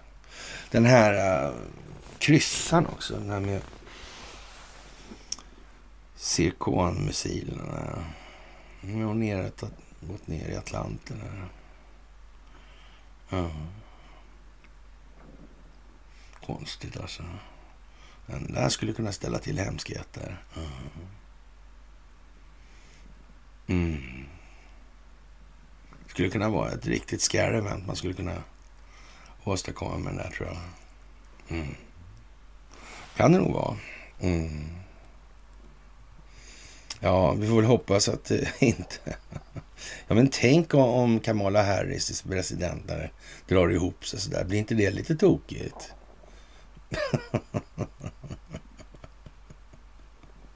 ja. Ja, man kan riktigt se hur... ja, då blir det facepalm över hela amerikanska kontinenten alltså. Det tror jag alltså. Och tiden den går, ja. Ja, jag vet inte. Det här är tråkigt alltså. För somliga och roligt för många andra. Allt fler andra dessutom. Ja. Och fruktbara handslag för ekonomiskt samarbete. Ja, vad ska vi säga? Ja, Iran är klara att eh, spela aktivt, alltså konstruktivt. Ja, för att få slut på Ukraina-kriget. Mm. Konstigt där. Ericsson, Ukraina. Mm. ABB. Mm. Sanktioner. Mm. Obama, Clinton. Mm. de hade ju separata servrar också där. Ja, John Durham. Mm. Benghazi. Mm. Trey Gowdy. Mm. Seth Rich. Mm. Oh, Julian Assange. Mm. Anna Din Claes Borgström. Mm. Tänk det är liksom som ett pärlband liksom. Mm. Kan man ju säga. Det är kommando och räls alltså som gäller nu. Och det är ju lite roligt tycker jag faktiskt. När det är så här eh, tydligt. Och, och ja, så sagt. Men man ser ju inte så mycket av det där hos de här trollsidan liksom. Nej. Och ja, det här var på onsdagen då som Rice kom med förslaget då att de ska vara med och jobba på saken liksom helt enkelt. Och, och redo att spela en aktiv och konstruktiv roll för att avsluta fientligheterna och upprätta fred i för detta Sovjetrepubliken alltså. Mm. Det är ju som sagt, man har pumpat det fullt med vapen och, och ja, vad ska man säga, belagt Ryssland med en mängd sanktioner. Och, ja, det kommer bara förlänga konflikten, säger Ryssland. Nu, nu är det ju rykten om att det inte är något krig alls i princip kvar här nere. Ja, vi får väl se. Alltså, men de måste i alla fall se till att det inte kan flamma upp. Och de har ju knappast... Uh, jag vet inte. Men jag vet ju inte det. Nej, jag gör ju inte det. Och det är ju inte beroende på liksom den, det militärstrategiskt operativa läget där nere här egentligen. Utan det är ju så att säga det opinionsbildningsmässiga klimatet i hemländerna eller västvärlden som är problemet nu. Mm. Det är ju, alltså oavsett om det skjuts en enda artillerigranat där nere eller inte alltså. Mm. Så är det fortfarande informationshanteringen som är den största frågan i det moderna kriget. Mm. Så är det ju. Ja. Ja, han säger så här, Iranien då, att de regionala frågorna, inklusive de som hör till Kaukasusregionen och Syrien, kan bara lösas genom samarbete och samordning. Och, och Ja, den Islamiska republiken lägger undantagslöst tonvikten på vikten av att stärka regional konvergens. Och Det låter lite som någon annan här, men, eh, och pekar på den skadliga effekten av utländsk intervention i regionen. Beträffande Syrien betonar den iranske presidenten att frågorna som är relaterade till arabländerna måste drivas genom Astana-formatet. Alltså. Och på andra ställen i sina kommentarer betonade Raisi att behovet av ständig utveckling och ekonomiska band mellan Iran och Ryssland, särskilt i transit och energiområdena. Mm. Ja, det där är ju som det är helt enkelt och eh, Sverige befinner sig där Sverige befinner sig i det här. Och jag vet inte, det verkar svårt att, att se liksom hur...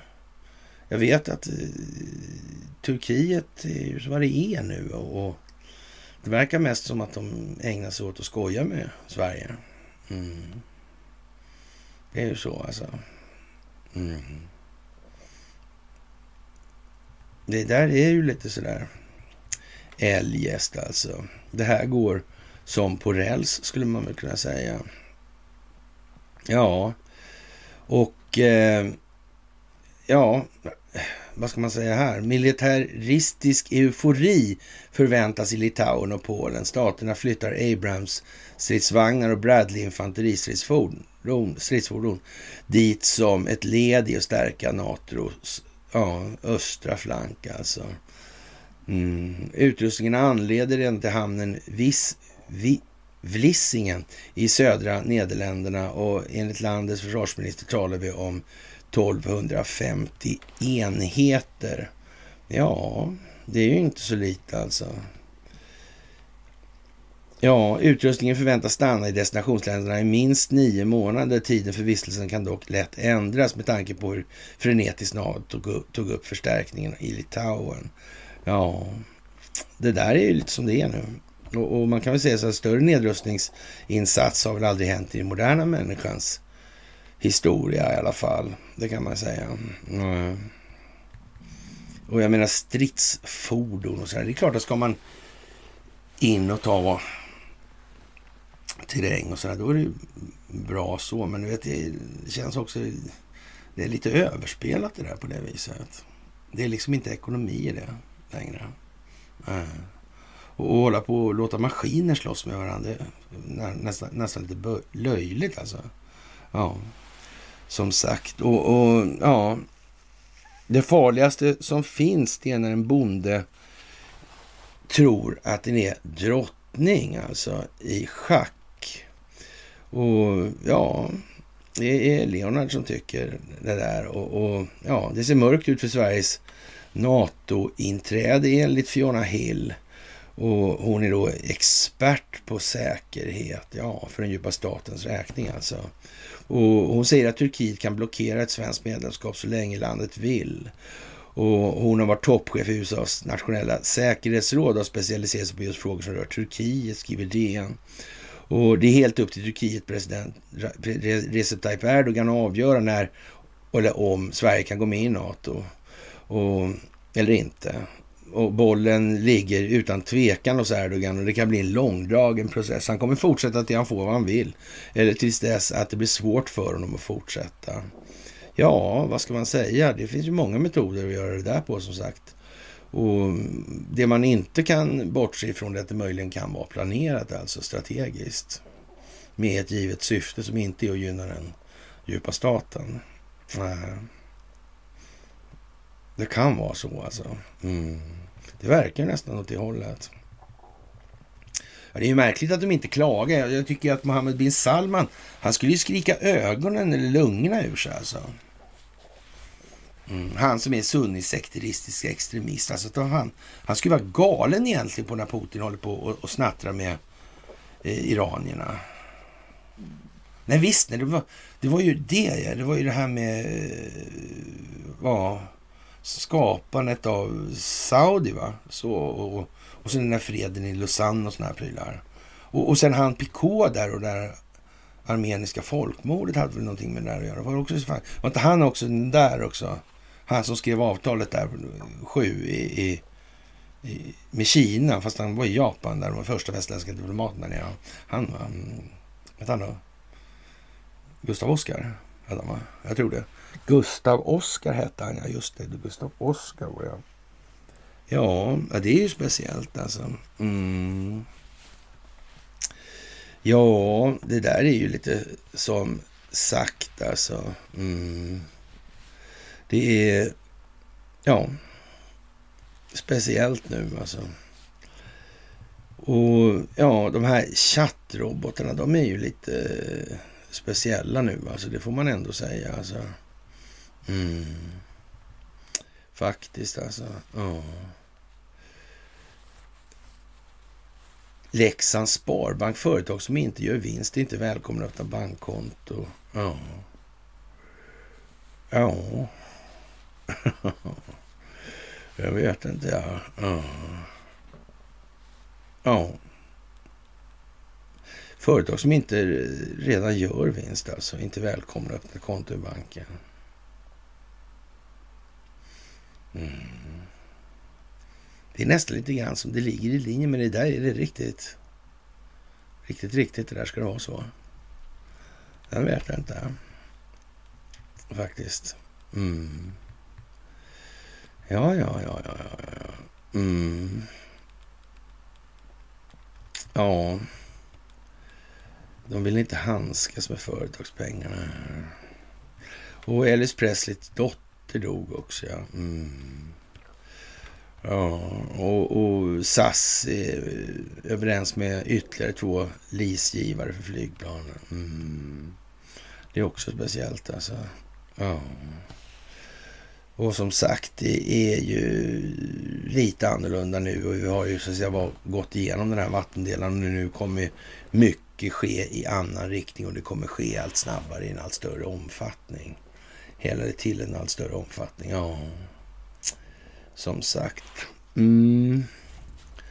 Och ja, vi har, har väl en eh, hel skock med händelser egentligen som entydigt pekar på en viss given utveckling. Alltså man behöver inte vara osäker. Och man, man, blir mer förundrad över att fortfarande det sprattlas. Alltså, men det beror ju på att de har liksom ingen... De har ingen val alltså. Galenskapen har inga gränser alltså. Det är ju... Ja, det är bara så alltså.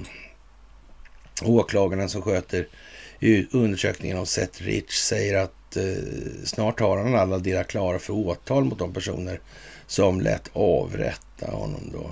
Mm, det är ju underligt alltså. Bara det är ju förargligt om det visar sig att det är DNC som är inblandat då alltså. Mm. Ännu värre om det är Hillary Clinton kanske. Mm. Sådär alltså. Mm. Ja, men hon är inte så dum sådär så hon känner inte till det. Det tror jag inte faktiskt. Ja, det där är som det är helt enkelt. Och eh, speciellt sådär. Och Twitter som sagt, det, det här med Ryssland, det är vad det är nu. Och eh, bedrägerier, bedrägerier, bedrägerier. FISA-ansökningar och stildossier och allt vad det är alltså. Ja. Det där är ju... Vad ska man säga? Ja. Det är helt eh, kört för den djupa staten. Det är, och det, kom, det, det här som sker i Kina är ju liksom en markör för det då. Mm. Det får man eh, säga så här att den typen av dumheter, det, det här som att köra igenom en folksamling, som hoppa ur bilen och slänga upp en massa pengar i luften. Och, mm. Ja, vad ska man säga alltså? Det är lite udda alltså. Det där kommer att eh, eskalera alltså. Det, det, det är bara så. Tyvärr alltså.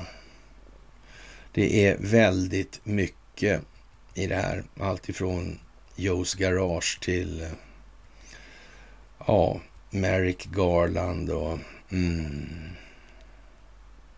för att inte glömma den svenska inrikespolitiken naturligtvis. Sådär. Och regeringen säger nej till fyra utlämningar. Det gör ingenting bättre naturligtvis i det här läget. Och att det inte skulle vara regisserat för att det skulle bli så här, det kan vi bara glömma i den meningen. Ja. Och frågan är vad det ska mynna ut i. Men det ska ju bli någon form av crescendo här på slutet i alla fall. Det ska bli någon form av scare event alltså. Mm. Sådär. Och då ska det inte finnas någon förhoppning kvar om att den djupa staten ska kunna göra ett skitnåg alltså. Sådär så att, ja. ja, det är speciellt alltså. Mm. Det här med Ukraina-frågan är ju lite, den har ju gått lite i stå nu då rent militärt. Det är ju inte liksom egentligen så mycket kvar att diskutera om heller. Alltså det är mer formalia alltihopa. Mm. Och ja, fram till eh, ja, eh, möjligheten att använda då, eller rysk användning av kärnvapen och konsekvenser som väntar väst efter konfliktens slut och så vidare. Det där är ju, ja. Men som sagt, Kamala Harris kan nog vara president. Det tycker jag verkar lämpligt i, i så att säga, eh, vid en e, skarp, extremt skarp eskalering. Mm. Det kan vara bra. Hon känns som liksom personen för att hantera det. Vad kan möjligen gå fel liksom? Ja, vad kan möjligen gå fel? Det kan man fråga sig i det fallet. Mm. Och frågan om Sverige ska fortsätta att utveckla egna stridsflygplan eller om landets luftrum i framtiden ska försvaras med hjälp av utländska plan ska nu utredas alltså. Och det ska inte slumpas bort något här inte. Nej, nej, där ser man. Ja, ja, det får vi väl se hur det blir med den saken alltså. Mm.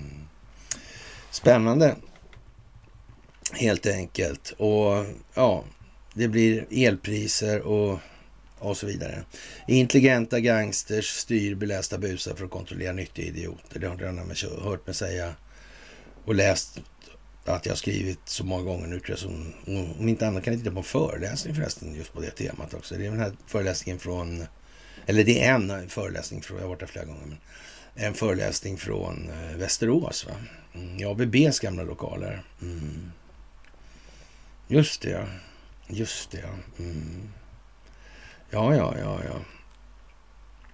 Det är som sagt som det är.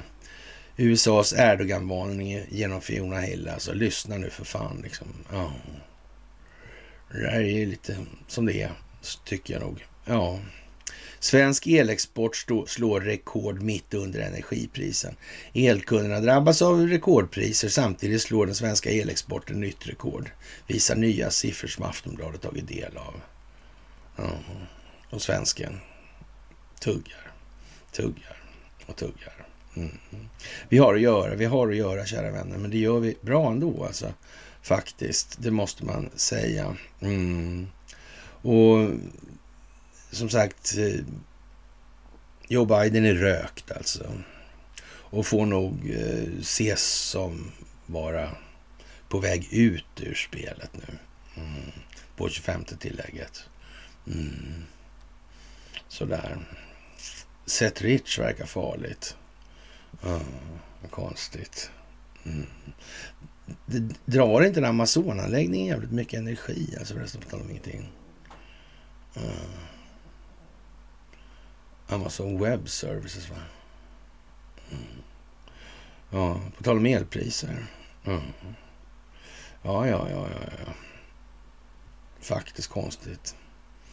Tycker jag nog. Ja.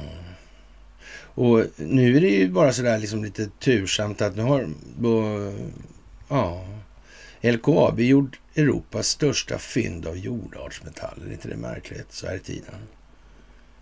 Bara nu så. Mm. Mm. Det är tur att flytta på alla de här människorna. Då, då. Mm. Så de som hade hus där då. Ja. Vem är det som ska ha de här pengarna? Om vi nu exporterar bort hela landet då utomlands. Ja, det är rätt kallt där inne då. Därför blir man tårögd helt enkelt. Är det så? Ja. Och eh, ja, man gräver ut då schakter. Vem ska ha de här pengarna då ens? Mm. Vad är pengar för något i det sammanhanget? Ja, det där är ju konstigt alltså. Det får jag säga att jag tycker. Mm. Det där är udda. Ja, det här är kris nu i amerikanska marinens lager alltså. Ja.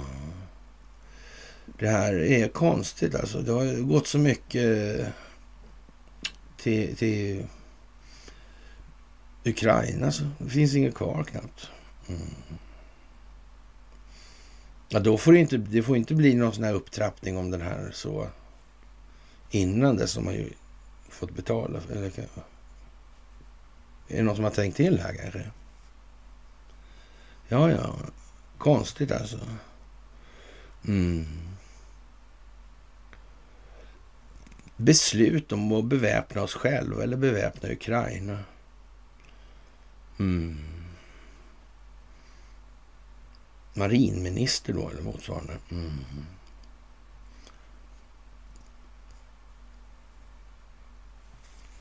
Ja, vi får ju hoppas då för, för den demokratiska västvärlden att det inte liksom är något fel nu. Ja. Ja, ja, ja, ja. Det är ju konstigt alltså. Mm. Det får man ju säga alltså. Ja. Och, och senaten eh, godkände hemliga åtgärder alltså. Mm. Det där är ju konstigt alltså. Nancy Pelosi, alltså vilken eh, speciell moralisk disposition hon besitter alltså. Ja. Och, och det här med, med 6 januari där. Och, mm. och det var riggat då av underrättelsetjänsterna. Och Nancy visste om det här. Mm. Speciellt alltså. Mm. Undrar om man får något för det. Ja, hon kanske kan ha husarrest och äta glass kanske. Jag vet inte. Ja. Det där är ja, speciellt får vi nog säga. Mm. Och det känns ju bra att sånt här kommer ut nu faktiskt. Ja. Ja, och mm, det är konstig tid också på allting. Det verkar liksom väldigt koordinerat nu alltså. Kan det vara så att allt det här är planerat? Det, jag vet inte alltså. Ja. Svårt att säga alltså. Mm. Ja, och sen har vi det här med delstatsvalen, de här överklagandena och så vidare. Det är ju konstigt tycker jag. Ja, faktiskt. Och den här tv-serien Sveriges sista kungar. Var konstigt i tiden alltså. Sveriges sista kungar, menar man det senaste måste man väl mena. Har man inga framtidsutsikter längre när det gäller monarkin? Sitter han, han satt ju där i utrikesutskottet, de där grejerna också. Ja. Så var det ja. Mm. En annan lustig detalj, det var ju det här med Axel Munthe. Ja. Ja. Jag känner en sjömilitär som heter Munthe också förresten. Mm. Vi brukade läsa Asterix ihop. Mm. Särskilt roligt var det Asterix-olympiaden liksom, med den Musculus. Mm. Till slut var han Asterix, för han hade inte tagit rolldrycken den gången. Nej, just det. Och alla andra hade. Just det, så var det ja. Mm. Ja, sedelärande. Mm. Konstigt. Ja, eller så. Man får ju nästan... Eh, ja. Och, och ja, det är ju märkligt det här med, med eh, som det var. Hade han några sådana här... Eh, ja, Gustav V, alltså hade han några arvingar? Eller var det Axel Munthe? Mm. Det vet man ju inte riktigt. Men det borde man ju kunna ta kolla genom ett DNA-test. Mm. Vem skulle komma på det först tror du? Ja, någon med många biokemiska laboratorier kanske. Mm. Mm. Ja, man har 19 000 stackeltaggar till i det halsbandet. Ja. Ja, som sagt, det här med Gustav V, det här med ja, rättsröteaffärerna, Haijby, mm, Keynesaffären. Mm. Karl Gerhard. Mm. Ja, till och med utsatt för utpressning alltså. Mm. Se där ja, se där ja. Se där ja, se där ja. Det var ju konstigt alltså. Så det kunde bli. Ja. Kungen hade sådär ganska lite att säga till om. Mm. Oscar II där, han fick ju kliva i och köra en teater om det här. Uh, kungen gick in och stöttade befolkningen.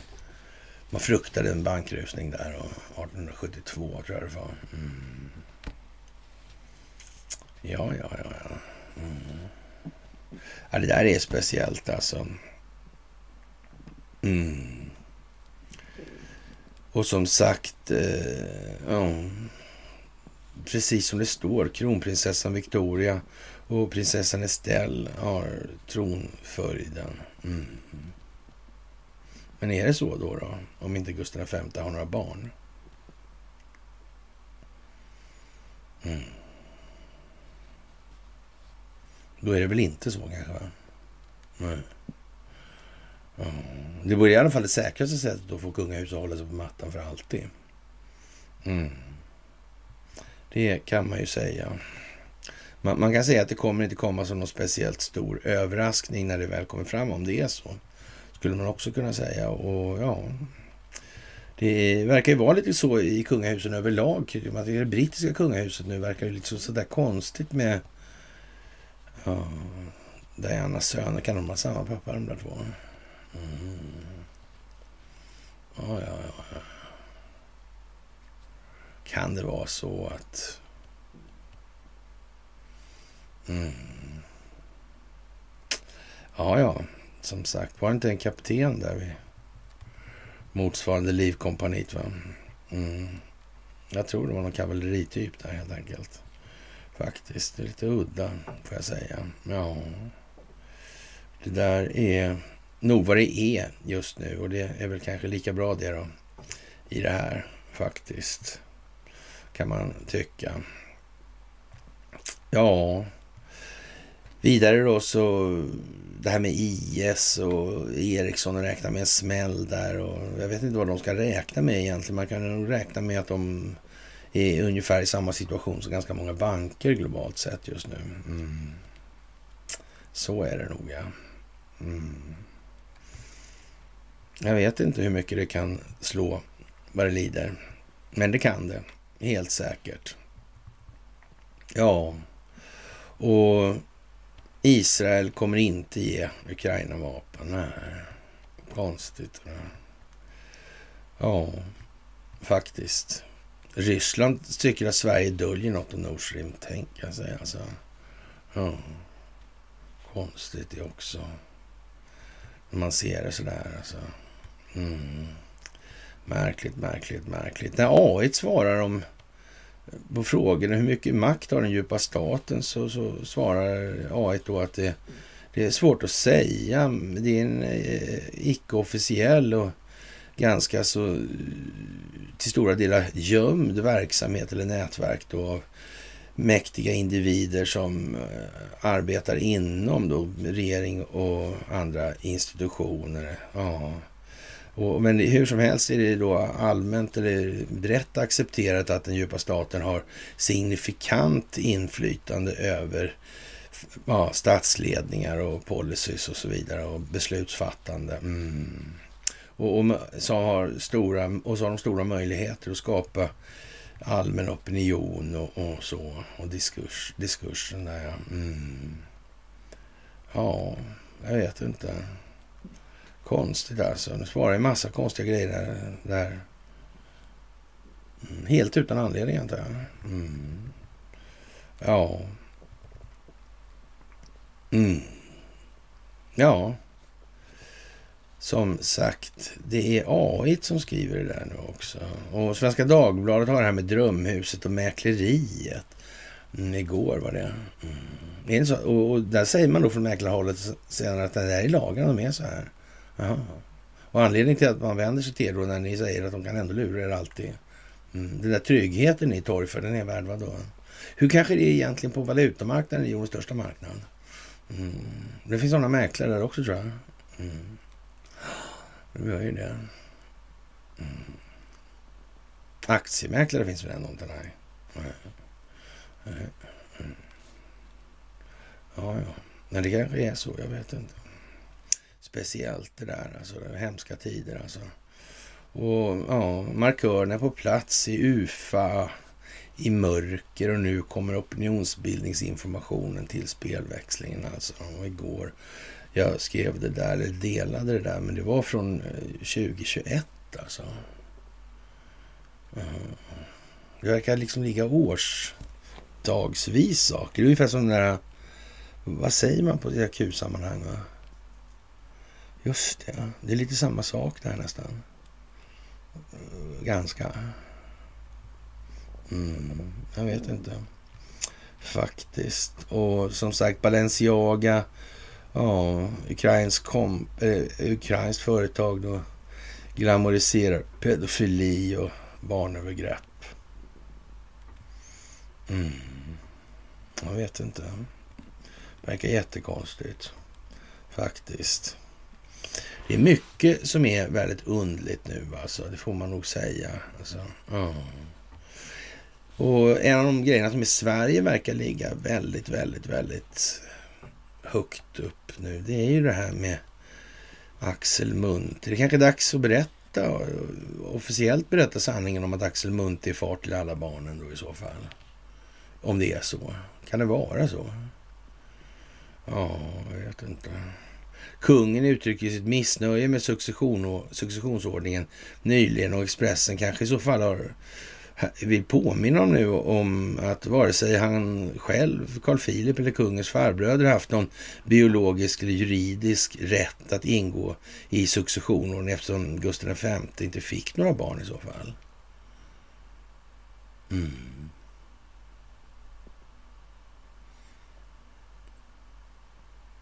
Mm. Ja, man kan ju titta man kan ju räkna lite baklänges där lite fräckt på åren och gamla de var när barnen kom och så vidare. Mm. Ja, det där är ju speciellt kan man ju tycka. Mm. Faktiskt. Som sagt. Mm. Ja, jag vet inte vad man ska säga. Alltså, det är som det är. Och ja, det blir inte som i första världskriget, säger en krigsforskare nu i SvD. Nej. Det är ju konstigt alltså. Mm. Det är för att alla, eller alldeles för många känner till att den djupa staten existerar. Det är alldeles för lätt att se nu när det är avslöjat med Twitter. Det är alldeles för lätt nu när de här åtalen med Seth Rich börjar komma upp. Det är alldeles för lätt att se nu när det går som det gör med det här valet då med ja, Carrie Lake. Och de ger sig inte liksom. Nej, de gör inte. Det är alldeles för lätt att se att Joe Biden eh, skyllde på tjänstemännen de första papperna blev omtalade där. Men så hade han några hemma i garaget också. Och så var det visst som så här... Ja, ja han, vad sa han egentligen den här mm, för det statsåklagaren? Mm, Patel, va? Mm. Skulle det komma fler alltså? Jaha. Undrar om de har satt i system för att få rätt opinionsbildningsmässiga... För det, kanske innehållet i de här handlingarna också kommer ha viss betydelse. Faktiskt. Ja. Ja, ja, ja. Och några av dem kan ju redan ha läckt därifrån av någon anledning. Man vet ju inte. Kan han hade sådana där på The House of Sweden också kanske till och med. Mm. För det har ju varit blåsväder förr där med när han skulle ha in den där donnan där va. Hunter. Mm. Med uteliggarna. Ja. Ja, jag vet inte. Det där är som det är faktiskt. Mm. Ja, Italien är ju på kollisionskurs, ja, kan man säga. Det där är ju väldigt speciellt alltså. Mm. Vi får väl se helt enkelt. Och eh, ja, jag vet inte. Som sagt, det spelar ingen roll om man skruvar på reglerna, säger Mäklarförbundet här. Och, och folk kan fuska ändå. Att använda mäklare är med andra ord inget skydd mot någonting och de tar inget ansvar. Alltså. Kan vi säga så. Är det, är det någonting som gör att man kommer att göra fler fastighetsaffärer och så? Nej. Hur blir det med prisbildningsmekanismen i så fall. Mm. Hur går det med tillväxtkravet? Mm. Yes way. Hur man än vrider och vänder på det nu så är arslet bak. Mm. För den djupa staten. För det här systemet. För alla belästa busar som är satta att kontrollera nyttiga idioter. Mm. Så är det ju, ja. Precis. Ja. Och ja, Joe Bidens stab pressar Facebook och censurerar Tacke Karlsson. Ja, det är ju inte klokt alltså. Ja. Och mm, riktigt sån här artikel, stort påslag alltså. Men Facebook-inspelning då och man har ja, flera artiklar bredvid varandra och husköpet blir en mardröm, vi lurade av alla. Det är rätt dramatiskt. Mm. Mäklarna utgjorde inget skydd alls. Mm. Ja, det är lite udda får man nog säga. Mm. Och Joe Biden fick 54 miljoner i anonymt öronmärkta kinesiska pengar när de öppnade det här Biden Center. Ja. ja. Det är klart. Joe Penn då heter den stiftelsen då. Och gamle Joe han fick en miljon dollar. Ja. ja. Det där är ju liksom... Mm. Det är som det är alltså faktiskt. Det här nu. Och ja, det är väl inte så mycket som blir kvar av det här som det ser ut. I den här gamla tappningen. Det mesta är liksom vad det är bara nu. Mm. Och det är ju för väl det alltså. Det är så. Och Svenska Dagbladet har ju faktiskt ändrat sig ganska mycket stilistiskt nu. Det har de gjort. Ja, undrar varför. Jag undrar varför. Mm. De är ju andra, har ju varit noggranna annars från ägarsidan det där med att de ska förstå vilken hand som föder dem och sådär. Ja. Det där är ju konstigt. Mm. Ja, kära ni, det är helt otroligt alltså. I det här läget, det måste man ändå säga alltså. Det måste man ändå säga. Och det går ju runt och runt alltså. Och vi får väl avsluta med någonting ifrån mig själv faktiskt. Och, och, och som sagt, det handlade en gång, det, jag har kört den här, jag har kört många gånger. Alltså det, ja. Och det handlade då om eh, man i, i, påstod att i Syrien hade man kört en saringasattack alltså. Och, ja, det skulle ju aldrig svenska medier våga säga alltså. Nej, de skulle våga ljuga skulle man säga så här. Mm.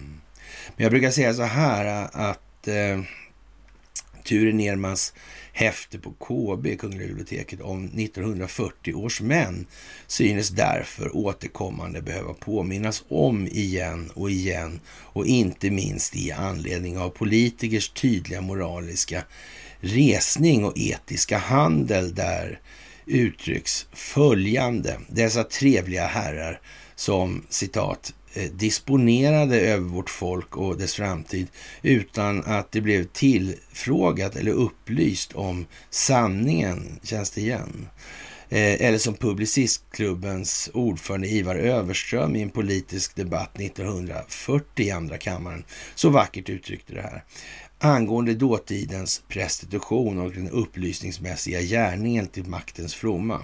Vi tidningsfolk vill ju inte undandra eh, oss skyldigheten att giva regeringen absolut erforderliga medel att skydda legitima och statsvårdande intressen. Tage Erlander, den som står här uppe, de två som står där uppe, eh, ja, kanske ändå säger det mesta i detta med sitt uttryck. De mörka åren i Sverige började sannerligen ingalunda vid eh, krigsutbrottet. Ja, ni har ju hört mig säga det här många gånger, men ändå, alltså, det är värt att dra ihop det så här. Det, det, är liksom så. Ja, så avslutningsvis kan jag väl i detta för ente gången citera Torsten Nottins bevingade avslutning på memoarerna från 55, vilken allt mera får en prägel av sanning som beskrivning av verkligheten. Det svenska folket är dömt att upptäcka att dess välstånd har offrats på den falska solidaritetens altare. Och med det, kära vänner, så säger vi väl ett tack för idag och tack för den här veckan. Och det är ju goda möjligheter att det blir något i helgen. Alltså. Det är inte mycket att sticka under stol med. Alltså. Det är rätt så rejält det här och ni är helt fantastiska och jag är så glad och tacksam för att få göra det här tillsammans med er. Och då vill jag önska er en trevlig helg.